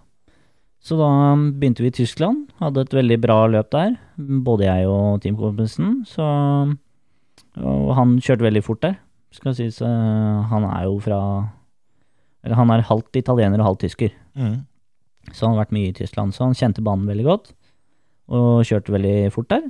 Og, og han vant løpet, faktisk. Første løpet. Eh, Jeg blei nummer fire, Ja. som var dritbra. Det var egentlig mye bedre enn eh, enn alt annet sånn, sånn, sånn tidligere, da. Mm. Sånn bortsett fra VM. Eh, men var egentlig litt sånn småpist. Litt skuffa. Ja, Fire er jo på en måte førstemann som ikke er på pallen. er førstetaper, eh, men allikevel var veldig bra. Eh, det var jo flere andre norske òg som ikke kom til finalen i det hele tatt. Mm. Så at eh, det var veldig bra. Vi var mange. Så Men Nei da, jeg følte jeg burde vært på pallen. Følte at jeg hørte til der. Jeg følte jeg burde vært på pallen, men jeg var ikke det. Og på en måte, det fuela meg litt. Uh, da hadde du et løp til, da. ja, det var jo Det skulle jo, det skulle jo avgjøres. Uh, det hele i Belgia. Da hadde vi vel kjørt VSK imellom. Ja, En annen serie. En annen, altså da på en måte største serien, bortsett fra EM og VM. Uh, hvor jeg blei nummer to på samme banen. Og ja, og det var jo noen uker etterpå, så var det jo EM, da. Samme banen. Finalen. Og um, teamkompisen min brøyt i uh, prefinalen og var ute av hele greiene. Kom ikke til finalen. Um, Utfordreren hans fra forrige løpet, Sanketta, var jo også med i miksen om å bli europamester, men krasja i prefinalen og blei eh, sist, faktisk, i prefinalen. Og var sistemann som kom Eller han ble sist av de som klarer å kvalifisere seg til finalen. Så han starta jo bakerst i finalen, Mm. så han var jo ute. Da var det deg og Joel igjen, da. Og meg og Joel, meg og svensken. Sverige mot Norge. Den som kommer først til mål, er europamester. Så Yes. enkelt. Så enkelt er det. Um, Joel starta først, du starta seks. Ja. for vi kjørte en annen strategi. Hadde egentlig bare dominert hele uka. eh, og vant alt som var av heat og unntatt ett. Ehm, og starta først i prefinalen. Ehm, da finalen før eh, finalen, på en måte, som Den som avgjør startspora i hovedfinalen. Ja. Så vi, jeg er veldig flink til å spare på dekk, så jeg hadde veldig fine hjul. Så jeg sparte på dekka nok til at jeg turte å satse på, for du fikk eh, Du fikk seks tildelte hjul, nye hjul, til begge finalene. Mm. Sånn at du kunne velge å ha to nye i prefinalen, og ha fire helt nye i finalen. Eller du kunne ha fire nye i prefinalen, og bare to i finalen. Og det er den vanlige ruta, fordi de fleste bruker for mye dekk. Mm. Og vil kanskje hente noen ekstra plasser, for det er mye enklere å starte foran osv. Jeg valgte da eh, å kjøre to nye, eh, fordi de kjører jo Vi kjører to prefinaler, og så slår de de sammen de eh, det, 16 beste fra hver finale. Så jeg visste jo det, og jeg visste jo at det er bare et par der som utfordrer meg i den prefinalen. Og vi tenkte lenge på det, og valgte å gå ut på to nye. Ga fra meg da to plasser, og det var helt greit. Det var planlagt. Jeg visste at de kom, og det var bare å henge på de, og det klarte jeg fint. Og så er det da, kommer det an på hvem prefinale som er raskest, som får Pole position. pole position. Og vi var litt bak, så derfor så ble vi sta- startende på venstre grid. Så da ble jeg nummer seks. Eh, men det var ikke noe problem. Jeg hadde ikke noe Så lenge jeg kom meg gjennom starten i finalen, så visste jeg at da da bør det her være grei skurring, Ja. egentlig. Da hadde du dekka og alt sammen. Ja. For da, da starter du med fire nye. Ja. Uh, Joel starta med to nye i finalen. Yes. For hvem- Joel vant den andre finalen, Ja. så han starta først. Og hadde alt å tape. Følte du før start at du hadde litt kontroll? Ja. Følte at det her Jeg hadde i hvert fall kontroll på han, fordi du lærer jo å kjenne motstanderen i løpet av mange sesonger. Og, og jeg kjente kjørestilen hans, jeg visste at han brukte altfor mye dekk, og det var den Han kjørte Energy, og de bruker altfor masse dekk, de kjører hardt. Det er liksom hele stilen deres. Så jeg visste at det, det Så fort jeg, får mine fire nye hjul, så, så har jeg ikke noe problem med å hente inn han, så lenge jeg har en grei start. Mm. Og hadde, hadde en bra start. Og fikk eh, los på hele gjengen og klatra meg oppover, egentlig. Og lå som eh, Det var vel når jeg kom, til, kom meg fram til andreplass, vel. Da hadde han en luke. Mm. Før eh, en som kjører i hva skal jeg si, bro, eh, søsterfabrikken, da. Eh, som For deg eller han? Eh, For meg, Ja. CRG, eh, de som lager kartene våre. Ja. Um, um, han, uh, han brøyt i Tyskland, så han var heller ikke med i det. Han kunne ikke bli Han kunne ikke bli europamester, så sjølve løpet kunne vinne, men han kunne ikke bli europamester, og det var jeg klar over. Så, og jeg visste han kjørte veldig fort. Jeg visste jeg også kunne bruke det til å komme meg fortere fram til OL. Så da valgte jeg egentlig bare, når jeg så bak meg, og så hvem jeg hadde bak meg, så visste jeg ok, han kjører fort nå, det veit jeg. Han hadde også fire nye hjul, det var bare meg og han som hadde det. Og valgte holdt på å si en sving jeg jeg ikke tapte noe som helst. Eh, Pekte på innsida og åpna luka opp og lot han kjøre forbi uten at han mista noe, og jeg ikke mista noe. Bare slapp han forbi, rett og slett. Slapp han rett og slett rett forbi, og brukte da momentumet hans. Ja, Litt sånn som eh, temposykling, på en måte. Nå får du, får du du dra. Ligge og dra litt. Ja. Så det er samme greia. Du får, du får slipstream, du får eh, kjørestilen hans. Det er litt sånn ok, du, den svingen der kjører du litt annerledes enn meg. Det går jo fortere. Mm. Og på en måte det lille han hadde, forspranget han hadde på meg, henta jeg med en gang der. Og lå bare rett i rygg hele veien. Så da skjøv han opp på langsiden. Er det sånn at du sparer enda mer dekk når du ligger bakerst eh, sånn, eller har ikke det så mye å si? Nei, det er egentlig mer, sånn sett. Eh, det kommer litt an på, men om noe så er det mer, for du mister litt downforce. Men sånn som det er nå, da, så da leder Joel. Han har ei lita luke Mm. ned og ligger på en måte Han er europamester hvis, det, hvis stillinga er sånn i Ja. mål. Stemmer. Uh, Tiene og du jobber dere opp. Ja. Vis, visste du allerede da at uh, vi henter han der ganske greit, sjøl om han har luka? Det, jeg henta han jo allerede bitte litt uh, eh, Eller jeg hadde jo på en måte henta han inn nok, tror jeg, uten Tiene også. Men hvis det ville gå enda fortere, kanskje halvparten av tida, hvis jeg kunne bruke slipstreamen hans og, og momentumet hans, så, så fort etter at jeg slapp den forbi, og etter en halv runde, så så jeg det her blir eh, Det her blir piskek. Åssen er den følelsen da? Den var rimelig digg. Du, du veit at eh, jeg blir europamester, jeg nå. Ja, jeg turte jo ikke å tenke det da, for du skal jo komme deg til mål allikevel. Det er mye som kan skje. Eh, Begynner du å tenke noe på det? Altså, nå håper jeg ikke at det, at det ryker et eller annet. Jeg tenkte ikke det når jeg lå bak den. Eh, skal jeg si at vi brukte bare et par runder, og vops, så hadde vi henta inn han, det Mm. forspranget han hadde. Uh, Tiene kjørte forbi den i første svingen. Skal vi se. Én, to, tre, fire. Femte svingen kjørte jeg forbi han. Mm. Uh, Så det var skikkelig nedtur for han. Han gikk fra første til tredje i løpet av en runde, eller halv runde. Så han var ikke så fornøyd med det, tenker jeg. I hvert fall ikke når han uh, kunne vinne EM. Men uh, For, for han også tenker vi sikkert det når Tiene kommer forbi, at eh, ja, men det er greit. Han vinner ikke EM likevel. Nei. Og så kjører han en sving til, ser seg tilbake, og der er du. det verste er at han kikka tilbake Han, han kikka bak seg rett idet Tiene kjørte forbi han. Så når han lå på innsida, så kikka han bak, og han så rett på meg. Han så det var meg, og så da at ja, ja, men jeg har en liten luke ned allikevel. Men jeg kjørte så mye fortere enn han, så jeg henta han inn de svingene, og han taper jo litt når han blir forbikjørt i den svingen. Den er litt sånn kostbar sånn sett. Så han skvatt nok når jeg kjørte forbi han. Så det, det var digg følelse. Parkere den borti svingen der.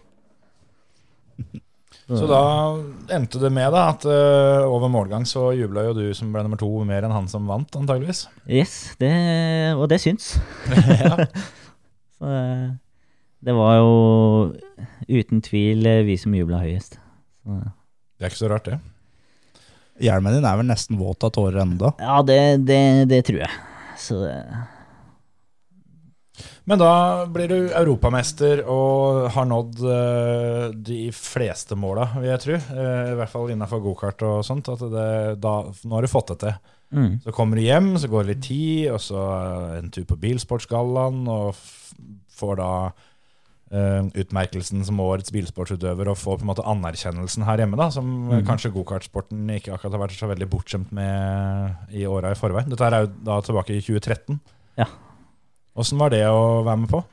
Nei, det var jo helt sjukt. Eh, Vi hadde jo en liten Altså, vi hadde et lite håp, eh, hele gjengen egentlig, i forkant, men det er jo aldri noe du kan forvente. Du veit jo aldri hva som er, eh, hva, hvordan Bilsportforbundet tenker. Det er jo Ja, det er litt av en eh, blomsterbukett inni der eh, av og til som styrer alt sammen også, så det Man veit aldri hvordan det opererer, og det er klart De måtte vel kanskje, når det ikke var noen sånn kjempestore begivenheter. For det var jo et år som var litt rolig på andre fronter, kanskje òg. Ja, folk hadde litt stang ut og sånt, noe som kanskje vanligvis har det, og plutselig så var det en som var europamester i gokart for første gang, så da Ja. var det ikke noe valg, da. Jeg var vel teknisk sett ikke vett på Race of Champions engang heller, eh, som da er i gokart, men eh, så fort Ja, men det- eh, Det kan jeg skjønne, da. Det, det er jo ingen som vil ha med deg der.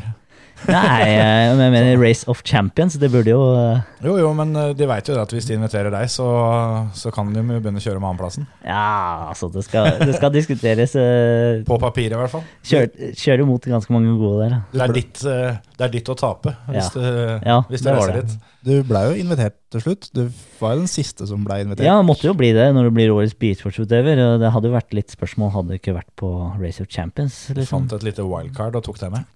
For de som ikke veit det, Race of Champions er litt uh, Alle stjernene i norsk bilsport omtrent uh, kjører leiekart mot hverandre. Yes. Um, I finalen der så Jeg husker du leda en runde. Du hadde fått jobba deg Ja, jeg, jeg lurer på om jeg fikk lov å være der i parsvinger, i hvert fall. og så, i og med at det er alle bilsportstjernene, så er det da folk som eh, kjører rally, f.eks. Ja, for de, eksempel. de kjører jo aleine. De eh, kjører ikke, har ikke noen å kjøre mot og kjøre på. En, Så- Endelig sjansen. Ja. Mats Østberg han tok den sjansen. Ja, han greiv den med begge hendene, for å si det sånn. Det, det var nesten litt sånn replay av meg og Mick Schumacher. Nei, vet du hva, det var faktisk verre, for jeg endte under den dekkstabelen som altså, deler hele banen der. Og jeg har aldri sett et bredere glis på en mann før enn uh, fra Mats der. Så Har du eh, fått anledning til å ta igjen, holdt jeg på å si? Nei, han har aldri fått det. Men det er greit, jeg, jeg skal gi den. Han er, stakkars, han har ikke fått kjørt på noen. eh, Jeg vet ikke når det var sist, men han fikk utløp for alle de han hadde lyst til å kjøre på, da. Ja, ja. Den ene gangen der, i hvert fall. Vi får håpe ikke det er noe som blir en vane. Altså Nå er dette noen år siden allerede, men Ja. Jeg har ikke hørt om noe siden. nei. Så Håper han får et eh, kollisjonsfritt løp til helga. ja, det satser vi på. Men da var Altså, for å kalle det toppen nådd, da. Ja, Men så skjer det litt ting eh, i sesongen etter og i perioden etter. For når, uten at du veit det nå, så er det ikke så veldig lenge igjen av gokartkarrieren din. Nei Um, Det var Men jeg har hørt snakk om at du var litt sånn på tanken å bare gi deg, egentlig, der og da. Ja, det var jo Vi hadde jo på en måte fastsatt på forhånd at uh, noe videre vei blir det ikke. Nei. Nei, for Eh, det, det var gokart som, som var taket. Ja, vi lekte med noe andre tanker sånn ellers, men uh, vi har ikke i nærheten av de midlene som må til. Uh, selv om du har kjørt med alle de gutta som kjører Formel 1 i dag, så betyr ikke det at du har samme bankkonto som de. Nei. Og det er mange som klarer å skaffe vanvittig mye penger på en måte aleine, men det ville vi aldri gjøre, og veldig få som velger å plukke opp en norsk Mm. uansett. Mm. Så da, den sjansen der, den hadde vi allerede skrevet fra oss. Så Fikk dere noe tilbud, da? Noe, Jeg fikk en del formeltilbud. Ja. Eh, men, men da måtte det betales. Ja da, eh, så uh, Holdt på å si Kunne jo egentlig velge å vrake oppover. Det var egentlig bare hvor mye jeg ville betale. Så Men da blei det, det ble mer gokart. det blei mer gokart. Det blei jo egentlig da Da kjører vi på et år til. Um, og, og tester ut det. Da gikk vi jo opp til uh, en klasse som er kun for uh, egentlig de Eller de endra litt på det det samme året faktisk som jeg gikk opp, da, men før så var det kun de som hadde titler. Så om du var europamester eller verdensmester osv., så, videre, så kunne du gå opp i den klassen, da. Mm. Eh, Som best av de beste-opplegg. ja. Sånn var, de kjørte litt eget løp, og de hadde litt andre regler på, på girkasseutvekslinger og så videre, sånne ting, da. Det var egentlig fabrikkens egen lille konkurranse, da. Ja. Um, så der var det bare verdensmestere og europamestere. Ja. Så da, som liksom En av de ble jo verdensmester når jeg gikk i bleier, så det var jo Du kjører mot mye erfaring, da. Men uh, vi hadde veldig uflaks med slutten av 2013. Så hadde vi jo et vanvittig bra oppsett på motor og chassis og dekk. Men så ble det bytta eh, dekkfabrikant, uten at vi andre teama fikk beskjed om det. Eh, vi fikk beskjed at det skulle skje noe skifte, men ingen som visste noe hva. Mens eh, det var da et par fabrikanter som satt med informasjonen og dekka som skulle brukes året etterpå, og fikk testa og gjort klart alt til sesongen begynte, mens vi andre sto der på bar bakke. Ja. Så det var egentlig bare de første fem-seks plassene var satt til ene merket. Fordi de kjørte bare så vanvittig mye fortere. For det, det var eh, De hadde jo da tid til å teste og lage chassis som funka på de dekka. Og det vi hadde, funka ikke i det hele tatt. Det var som å kjøre på hockeypucker i forhold til Mm. skumgummien som vi hadde året før. Så det I mykhet. Og det blei bare kaos baki der, når eh, liksom flere ganger verdensmestere altså prøver å kjøre hverandre så hardt de kan av banen for å bli kvitt folk, fordi at det var ikke det var ikke noe gøy å drive og fighte og kjøre forbi, for når du prøvde å kjøre forbi, så var det så dårlig dekk at du sklei ut. Gikk ikke an å kjøre forbi ordentlig. Og det var liksom Kom du deg forbi, så var du egentlig sikra, for det var ingen som klarte å kjøre forbi deg igjen. Nei, ikke sant? Og så da en gjeng med førere som eh, alle sammen har vært vant til å være best, og så plutselig så sitter alle sammen og føler at det, dette her er Ja, får du, jeg ikke til i det hele tatt. du kunne i hvert fall fighte om det, da. Ja. Men det kunne du ikke lenger. Da måtte du kjøre han foran. Da måtte du sørge for at han sklei ut, så du kunne kjøre forbi. For det var, det var så glatt. Det er akkurat som å kjøre litt på, på snøen, liksom. At det, du, du har kontroll, men du har ikke helt kontroll. Mm. Eh, det sånn, det sitter fast, men du er aldri helt sikker. Så det var eh, Nei, det var, ble rett og slett eh, livsfarlig å kjøre utpå der. Så I, I 2014 også så hadde du noe annet som var ganske livsfarlig, på en måte. Det, sesongstarten kunne jo ikke vært så mye dårligere enn det han blei. Nei, den kunne ikke vært så veldig mye dårligere. Du var jo med på en av de sjukeste gokartkrasjene som har vært. Ja, det, det kan man trygt si. Eller i hvert fall resultatet av eh, åssen gokarten din så ut etterpå, er noe av det verste som har vært noen gang. Ja, det, det er en av de, de sykeste kartene som har blitt lagt ut bilde av, som håper å si, i hvert fall på hva skal jeg si, østlige delen av, av verden. Mm. Jeg veit det er andre steder som har Det eh, er mye sjuke folk. mye Afrika gærninger, altså. Ja, jeg har sett noen stygge der som har delt uh, på noen trær og masse greier, men hva skal vi si, internasjonalt uh, håper å si toppnivå, så aldri Det var ingen som hadde sett noe makant i det hele tatt. Hva skjedde? Nei, det var jo da eh, et løp i Italia, på La Conca, um, hvor vi alltid kjører til eh, kvelden. Så på en måte rett før sola har gått ned, så er vi ferdig. Og det var jo da siste heatet, var det vel, for dagen. Eh, og vi kommer eh, over langsida. Eh, der er eh, sola akkurat over tretoppen, knallrød, så håper å si du ser ingenting, du kjørte basically blinde. Og det vi da ikke får med oss, er at det er en som har mista vannet halvveis på sletta. Vannet gikk. Vannet gikk, eh, dårlig slangeklemmer, og alt vannet fra radiatoren og motoren bare fossa ut på langsida, midt i idealsporet, og der kjører vi rimelig fort, hadde vel eh, rett i overkant av 140 der. Og ingen av oss som fikk med oss det, for det var jo sola midt i trynet, og du så jo ikke at det var skjedd noe foran, så du bare satsa på at alt var greit. Eh, midt på langsida så begynner karten min å vri seg venstre. Det skal sies at banen går rett fram og til høyre. Okay. Min begynner å vri seg venstre. Uh, null kontroll. Det er egentlig bare akkurat som du går på blankisen. Fordi vannet har jo spruta ut på gresset, og sliks på vått gress, det går nesten fortere. Så det Og før jeg visste ordet av det, så våkna jeg på knærne. eh, foran eh, totalsmadra kart, og tolv andre trøkte rundt inn i betongopplegget og Tolv andre førere som kom bak andre. deg. Ja, eller som, ja, om de var foran eller bak, det, det kan godt hende. Så det var noen foran og noen bak. Men ja. Så Nei, da, så- i 140 km i timen, så bare reiste du rett i dekkstabelen, eller hva? Nei, for det, det kom jo midt på langsida, sånn at eh, det begynte jo den Hva skal jeg si, den Du har jo sånn safety-puter Mm. eh, foran safety-nettet. Men de putene begynte ikke så tidlig. Nei, for det er jo ingen som skal kjøre. Det det er ingen som kjører frem, midt på langsida, liksom, tenkte de da. Nei, nei, så kom Emil, da. Så. Så kom jeg jo da, den mora.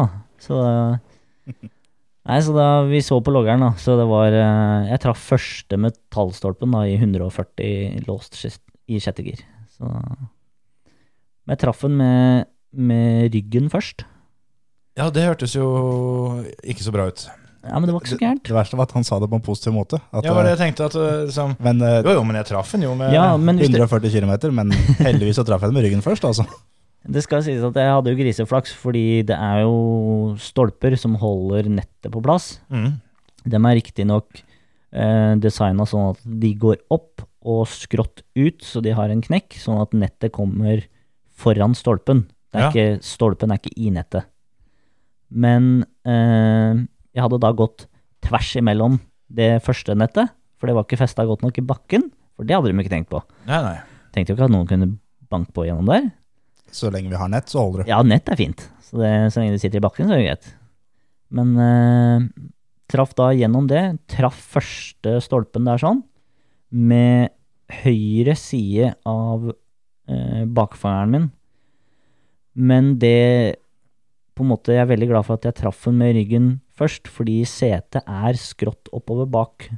Så naturlig så datt jeg ut av karten bakover. Ja.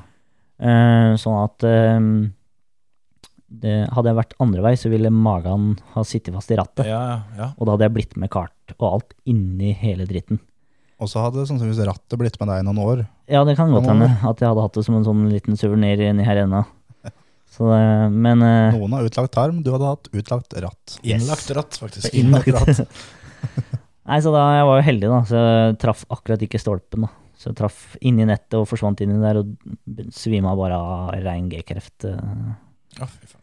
Eller G-kraft. Så Så du- Du hadde Altså, det her foregikk på den omtrent eh, eneste måten hvor du som hadde det scenarioet hvor at du gikk på egne bein eh, og la deg om kvelden? mest sannsynlig, ja. Så For du kunne daua der. Ja, han kunne jo helt sikkert gjort det. Altså, huet først i metallstolpe i 140, så det lover jo ikke godt selv om du har på deg en hjelm. Da. Så, Altså, når, altså, jeg kunne jo brekt i nakke og rygg og alt Ja. som er, men uh, når ikke det hadde gått bra for stolpen engang, så sier det jo litt om åssen det da ville gått med deg. ja, stolper og nett og karten var splitta i to. Uh, alt av bremseskiver, potter motor og Alt var bare, bare skrot.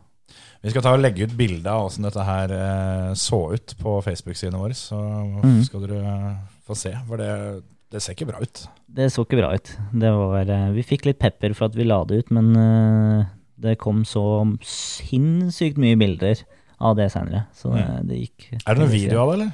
Nei, det er det det ikke er. Ah, Det er jo, de lå jo på en måte rundt uh, fighta om 8.-10.-plassen i Ja. feltet. Det er eh, ingen som bryr seg om det, på en måte. nei. Men det var jo ikke filma hit. ja. Det var det som hadde vært filma Hadde vært i finalen, så hadde det vært filma. Mm. Fordi de filma alltid finalene. Eh, det var jo direktesendt uh, Holdt på å si i Italia og sånt noe på finaledagen. Men ikke i heata, da. For det er jo ikke alltid så spennende, selv om vi andre syns det er veldig spennende. Mm, eh, mm. Men det, det bildet som vi da skal legge ut, det, jeg husker jeg fikk det på telefon av faren til Emil. For det, jeg var ikke med på løpet, så jeg sendte Eh, Jeg så på livetiming at eh, Emil har stoppa. Det er flere andre som har stoppa òg. Så da sendte jeg melding til faren til Emil at eh, hva var det som skjedde? Var det en krasj eller noe sånt? Vanlig da ville vært å sende ja, det var en stor krasj, men alt går fint.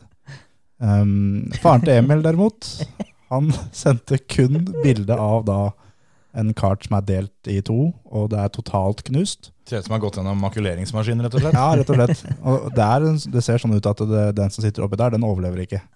Eh, og så sendte den ikke noe tekst. Null. Kun bilde. Og da tenkte jeg at eh, nå er Emil dau. Så jeg sendte meldinger tilbake. Hva, går det bra? Hva har skjedd? Går det bra med Emil? Eh, ikke noe svar. Jeg prøvde å ringe, ikke noe svar.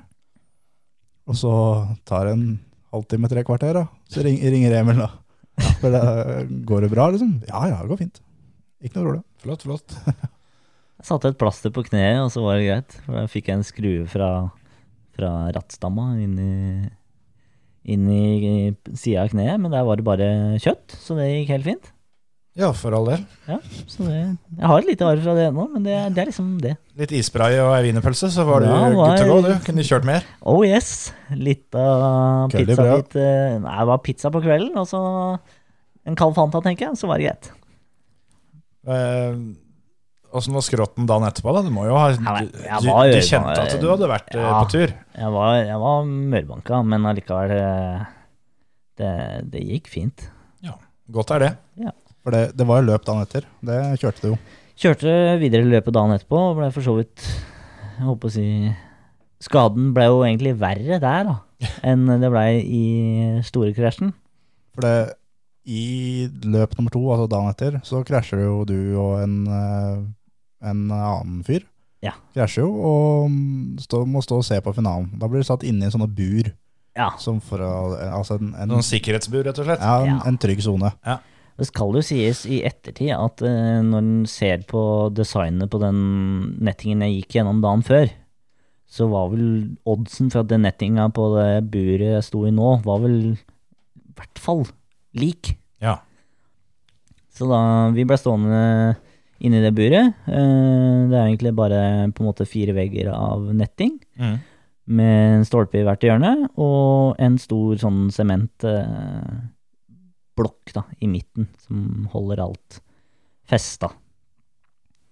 Uh, og i svingen bak oss, for vi fulgte jo med på lederne, Mm. og håper å si, i svingen bak oss så uh, var det noen som knuffa litt, og han ene klatra på han andre, og sendte han bare flyende ut over banen, eller ut av banen.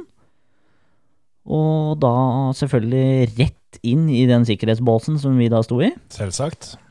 Det var liksom Ja, de var ikke helt ferdig med den ryggen din ennå, så de skulle gi det et forsøk til. Så da fikk jeg den der stolpa rett i ryggen. Eh, eller rett i ribbeina, egentlig, var vel eh, det som var. Eh, og slo da huet i den eh, i midten, da. Så sjølve opplevelsen husker jeg ikke noe fra. Jeg sto så på løp. Jeg neste visste, var at jeg våkna på gress der, hadde fryktelig vondt i huet. Mm. Eh, tok meg til panna, og som alle gjør når de har vondt eh, i huet, så er det liksom å kjenne at huet er der. Og så ja, det var det, og så tar du handa ned, og så er det fullt av blod, da. Tenk hvis du hadde våkna opp og så huet var borte. ja, det var kjedelig. Nei, så da splitta jeg opp eh, øyebrynet, da. Eh, tok jeg noen eh, gode ribbein der, da, for å si det sånn, fra den stolpa, og splitta opp øyebrynet og et par tenner som eh, tok kvelden, for å si det sånn. Det var jo ikke den første smellen som var ille, det var jo den andre som var, gjorde at du ble skada. Og den gjorde jo at du måtte stå over flere løp uh, utover sesongen pga. ribbeinsskaden din. Ja. Da var jo sesongen var jo ødelagt egentlig allerede der. Ja, fordi det var jo midt i, og, og, og hadde på en måte Jeg kunne fullført løpet og sånn der og da, for det er jo ikke da ribbeinsbruddet er vondt. Det er jo etterpå. Og de banene som var neste på lista, det var helt jævlig forrige beina. Og det er jo gjerne der mange merker det, sånn hvis de går fra norske baner til utenlandske baner, der hvor du kjenner det mest. Ja, de fleste, noen kjenner kanskje i nakken fordi de ikke er så, så spreke i nakken og ikke vant til det. Men eh, de fleste kjenner det i ribbeina. Og det er pga. trøkket i svingen. Ja, det går mye fortere, mye mer G-krefter og hardere curbs, og du kjører generelt hardere, fortere. Jeg har jo ikke drevet med gokart annet enn at jeg har lånt eh, gokarten til Terje på en og annen trening. Men jeg husker veldig godt jeg, på en bane vi kjørte, så var det en eller annen sjikane som var veldig kjapp. Og da la jeg merke til at i, i den sjikana så klarte jeg ikke å trekke pusten. Nei. Så jeg kan bare se for meg åssen det er eh, når dere som kan dette her skikkelig, kjører. Du må vel omtrent planlegge det òg, da. Hvor, eh, Ja, du gjør det. Ja. Det verste er eh, når du sier det, så tenker jeg på det. Ja, du gjør det. Her skal vi puste inn. Og Her puster du ut, her puster du inn. Her holder du pusten. Så det har en sånn Ja, nei, det er sjuke greier, rett og slett. Men hva, hva blir på en måte utfallet av dette her? da? Du skader deg selvfølgelig, og tenker du der og da at nei, fuck it, dette her gidder jeg rett og slett ikke mer? Hjelmen på hylla og fram med TV-kontrollen? Nei, øh, gjorde jo egentlig ikke det. Det blei jo skikkelig nedtur sånn sett for øh, resten av sesongen. Det blei jo ikke noe optimalt. Eh, Du hadde vel en tittel å forsvare, blant annet? Jo, så vi måtte jo kjøre EM i Sverige. Ja. Uh, som det var da. Eh, for så vidt A i toppklassen, riktignok, så jeg forsvarte jo aldri tittelen min. Heller. Altså, du, det er ingen som har tatt den fra deg, på en måte? sånn sett? Det er ingen som har tatt den fra meg. De har bare uh, vunnet sin egen? Eh, men jeg kjørte jo for så vidt Jeg blei vel 16 eller noe sånt noe totalt, selv med brutt uh, Brutt siste løp eller noe sånt. Noe. Og jeg sier sånn, den derre stolpen eh, som jeg traff med huet først, eh, den, eh, den tok livet av noen eh, hukommelsesceller oppi her. Jeg hadde tenkt å si at det forklarer mye, men Ja, det gjør det. fikk du med stolpen hjem, eller? Nei, jeg gjorde ikke det. Så den henger ikke på veggen. Men gokarten du vant EM med, den hang dere på veggen i stua. Den henger på veggen i stua. Eller den hang. Den henger på veggen i garasjen. Men, eh, ja, men dere klinte den opp på veggen i stua. Den hang midt i spisestua. Da kan folk som hører på, bare enten om dere sitter i stua, kikker seg litt rundt, eller bare tenker dere stua hjemme, og så ser for dere da en gokart. Og en gokart, for de som ikke veit det, er jo en del større enn det de fleste tror. De fleste tror at den er bitte, bitte liten, men prøv det. å henge den på veggen for å se hvor svær den faktisk er. Den er antageligvis større enn TV-en. Ja, veldig mye større enn TV-en. Og så skulle den jo være helt, helt identisk òg. Den er jo helt identisk. Den er helt Og identisk. Det betyr også at eh, eh, alt av bly som var satt på, Ja, de skulle helst ikke tas av Nei, eh, den før han skulle på veggen. hver eneste skrue fra den finalen er på. Tømte dere tanken, eller? Så godt som eh, far lot det gjøre. Litt sånn, ja. Det, Ja, han det, tenkte nok ikke på forgasseren og sånt, nå, at det fortsatt var bensin i den. da. sånn, ja, eh, vi vi har vært med på å dra på tur da med faren til Emil mange, mange ganger. Men vi har også brukt en time og halvannen gjennom sikkerhetskontrollen på Torp. Fordi faren til, faren til Emil har um, hatt med seg tre-fire forgassere i håndbagasjen. Som han heller ikke har tømt for bensin. Og det, Altså, og det, Selve forgasseren er ikke så Det er ikke det som er problemet, når de ser det er flytende væske inni der som slår ut, og det er bensin det er snakk om. Og det å komme oss om bord i et fly med bensin i håndbagasjen, det er ikke dritlett. Så, så det at, da, at det lukta litt bensin i huset deres, det Ja, Det var bare på sin plass. Heldigvis var ikke mora di hjemme. Nei, ok, men når vi hang nok, greit. Men vi kom hjem seinere. Kanskje derfor han henger i garasjen nå. Ja, det er derfor han henger i Hva, garasjen nå. ja. hvordan var førstereaksjonen der? Var det, var det litt eh, som din eh, litt eldre svenske navnebror fra Lønneberget hyle, eller? Ja, omtrent. Det var ikke jeg som fikk skylda, heldigvis. Nei, hun skjønte vel at det var eh, Det skjønte hun fort hvem som var hjernen bak. Så det Nei da, den, den fikk henge der under Under eh, Hva skal jeg si Middagen vi hadde til å feire, feire hele Ja. løpet, da. Hele sesongen. Så da hang den der i Ja, litt over ei uke. To uker, tror jeg. Ja, ja, men det, det ble sikkert ikke merke på veggen heller. Festa med teip. Nei, nei, nei, nei. Nei, nei, nei, nei. Nei. Den ble satt med karabinkroker og ordentlig fester. og- jeg syns jeg kan se for meg det der. er fint med svære tømmerstokker som husvegger. At det, det er ingen som ser om det er hull akkurat over bøyen der, så det går bra. Nei. Det Såpass høyt opp. Så da har vi jo kommet til slutten av din eh, gokartkarriere òg. Mm. Det, det blei med det EM-løpet i Sverige. Eh, Det blei rett og slett eh, galskap på banen. Eh, folk kjørte hverandre av så hardt de klarte. Det var liksom Eneste måten å komme forbi, var å kjøre på hverandre. Eh, så vi tok eh, egentlig bare avgjørelsen at nå går vi til løpsledelsen, og så sier vi det rett som det er, og trekker meg fra løpet. Fordi Det var farlig. Ja, og det var, det var ikke gøy lenger. Nei. Det blei bare Det blei et pes, og, og jeg følte meg ikke trygg ut på deg lenger. Eh, det er liksom farlig nok som det er, men skal du i tillegg eh, fly og være redd for at alle skal drive og torpedere deg overalt, så Nei, det var, det var utrygt, og det var eh, Alt av sportsmanship var borte, og det var liksom frie tøyler. Ingen som turte å gjøre noe med de som kjørte sånn, for det var jo kjempestore navn, og det var liksom de som holder sporten i gang, og det var liksom ja, ingen som gjorde noe som helst, og da var det bare nei, greit, fuck it, da gidder ikke vi å kjøre mer. Nei. Og det blei faktisk eh, det siste løpet, så sånn som proff, riktignok, da. Ja. ja, for du har vel eh, Du har vel ikke bare gokarten på veggen hjemme? Du har vel eh, kanskje noe mer som kan hentes fram i ny og ne hvis det klør for mye i høyrebeinet? Ja, jeg har, eh, jeg har fire kart der hjemme, så, Ja. Så vi har kjørt noen moroløp sånn ellers. Men eh, når du vokste opp og var eh, en ung og Nå fikk vi høre en ung og ikke fullt så lovende eh, motorsportsutøver, og etter hvert som du ble mer og mer lovende, hva var det som var det store forbildet ditt?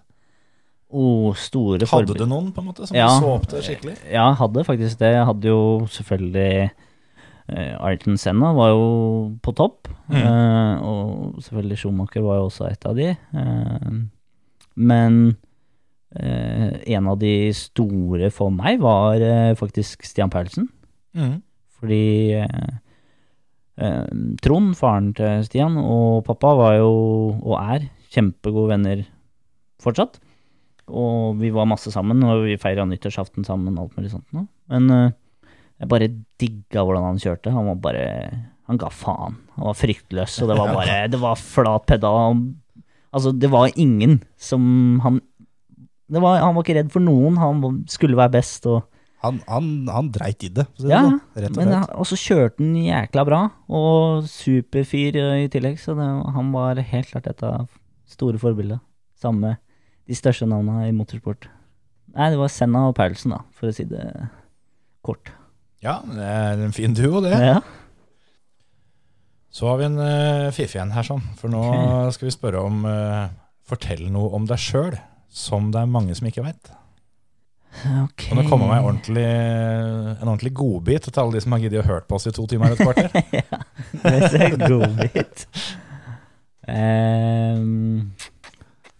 Her, her har jo jeg en historie, men det er ikke jeg som skal svare på spørsmålene dine. Vi kan jo, vi kan jo snu den til deg. Fortell noe om Emil som ikke så ja, veldig jeg, mange jeg veit. tror det nesten er hva, hva? Vi kan skylde på den jernstanga og så bare spille ballen Ja, til han som ja vi husker gjør det. Vi gjør det. Eller, Eller du kan hinte, så kan, du kan se om jeg, om jeg tar den. da. ja um, Hvis jeg nevner um, uh, boksekamp på TV og gokartkjøring Åssen uh, hva, hva utfallet av det blir?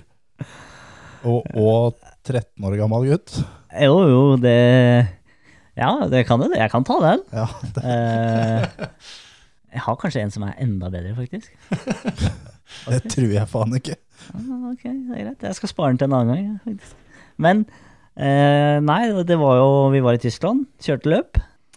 Bodde på Park eh, Inn hotell i Kerpen. Kjørte viktig løp. Eh, og unge Antonsen fikk eh, ikke sove de første fem minuttene. og da var løpet kjørt, da gikk TV-en på, og hva gikk på TV-en? Nei, det var vel en tolv runders boksekamp, da. Som eh, selvfølgelig blei mer og mer spennende. For, for det, jo, det skal jo nevnes at du var jo ikke interessert i boksing. Nei, Hadde aldri vært noen fan av det. Nei, aldri sett på boksing. Så det, det var bare noe som blei sett på, som ikke klarte å slutte å se på. Og plutselig, før jeg visste ordet av det, så hadde jeg sittet og sett på boksekamp og alt mulig annet. Og så var det på tide å stå opp. Husker du hvem som, eh, hvem som boksa? Nei, det gjør jeg faktisk ikke. Det hadde vært litt gøy, men det, jeg aner ikke. Jeg fulgte jo sikkert ikke med engang. Så det Så du satt oppe hele natta? satt oppe hele natta, sov ikke. Um, og under eh, ene Det var ved trening, faktisk. Mm. Det var ikke hit, men eh, det var i hvert fall en jævla kjedelig trening. Husker jeg. Men eh, Det var ikke like gøy som boksekampen. det var ikke like gøy som boksekampen. Men den ene fullfartssvingen, i utgangen av fullfartssvingen, så altså Folk har jo kjørt bil og, og duppa litt av. Og kjent på den følelsen. Jeg har i hvert fall kjent på følelsen av å være trøtt, ja. Ja, Eh, De fleste har lukka øya litt for lenge. Én gang. Ja, ja, ja. Det går an i kart òg. Så Da er vi tilbake på den der 170 Jo, cm-greien. men, men, Da, faen, når du altså. er så trøtt og sliten, det er samme om du, om du ligger i 170 på 18, du blir ikke noe mer begeistra av det. det. Øya går like fort igjen.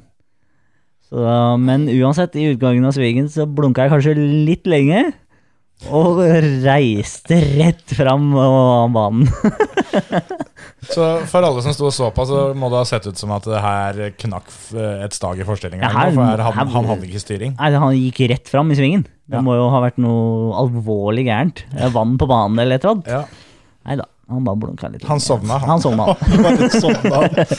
Han dyppa litt. Ja. Så, ja, det er sikkert noen eh, som ikke visste. At det er mulig å sovne en gokart. Ja, det òg. Denne klarer ikke jeg å toppe, så nå tror jeg kanskje vi bare gir oss. Ja, jeg tror jeg liker rett. Skal vi si det sånn, eller? Ja. Takk for eh, at dere hørte på, og skru på igjen eh, til uka. Del eh, gjerne podkasten vår til andre som dere tror er interesserte. Gi oss fem stjerner, tommel opp og alt mulig tjahafs som det er mulig å gi. Vi er på Spotify, iTunes, YouTube, Facebook. Ja, der You name it. ja, er et sted du ikke finner oss, og si fra, så, så dukker vi opp der òg. Jepp. Takk for nå. Snakkes til uka. Ha det bra. Hei da. Ha det.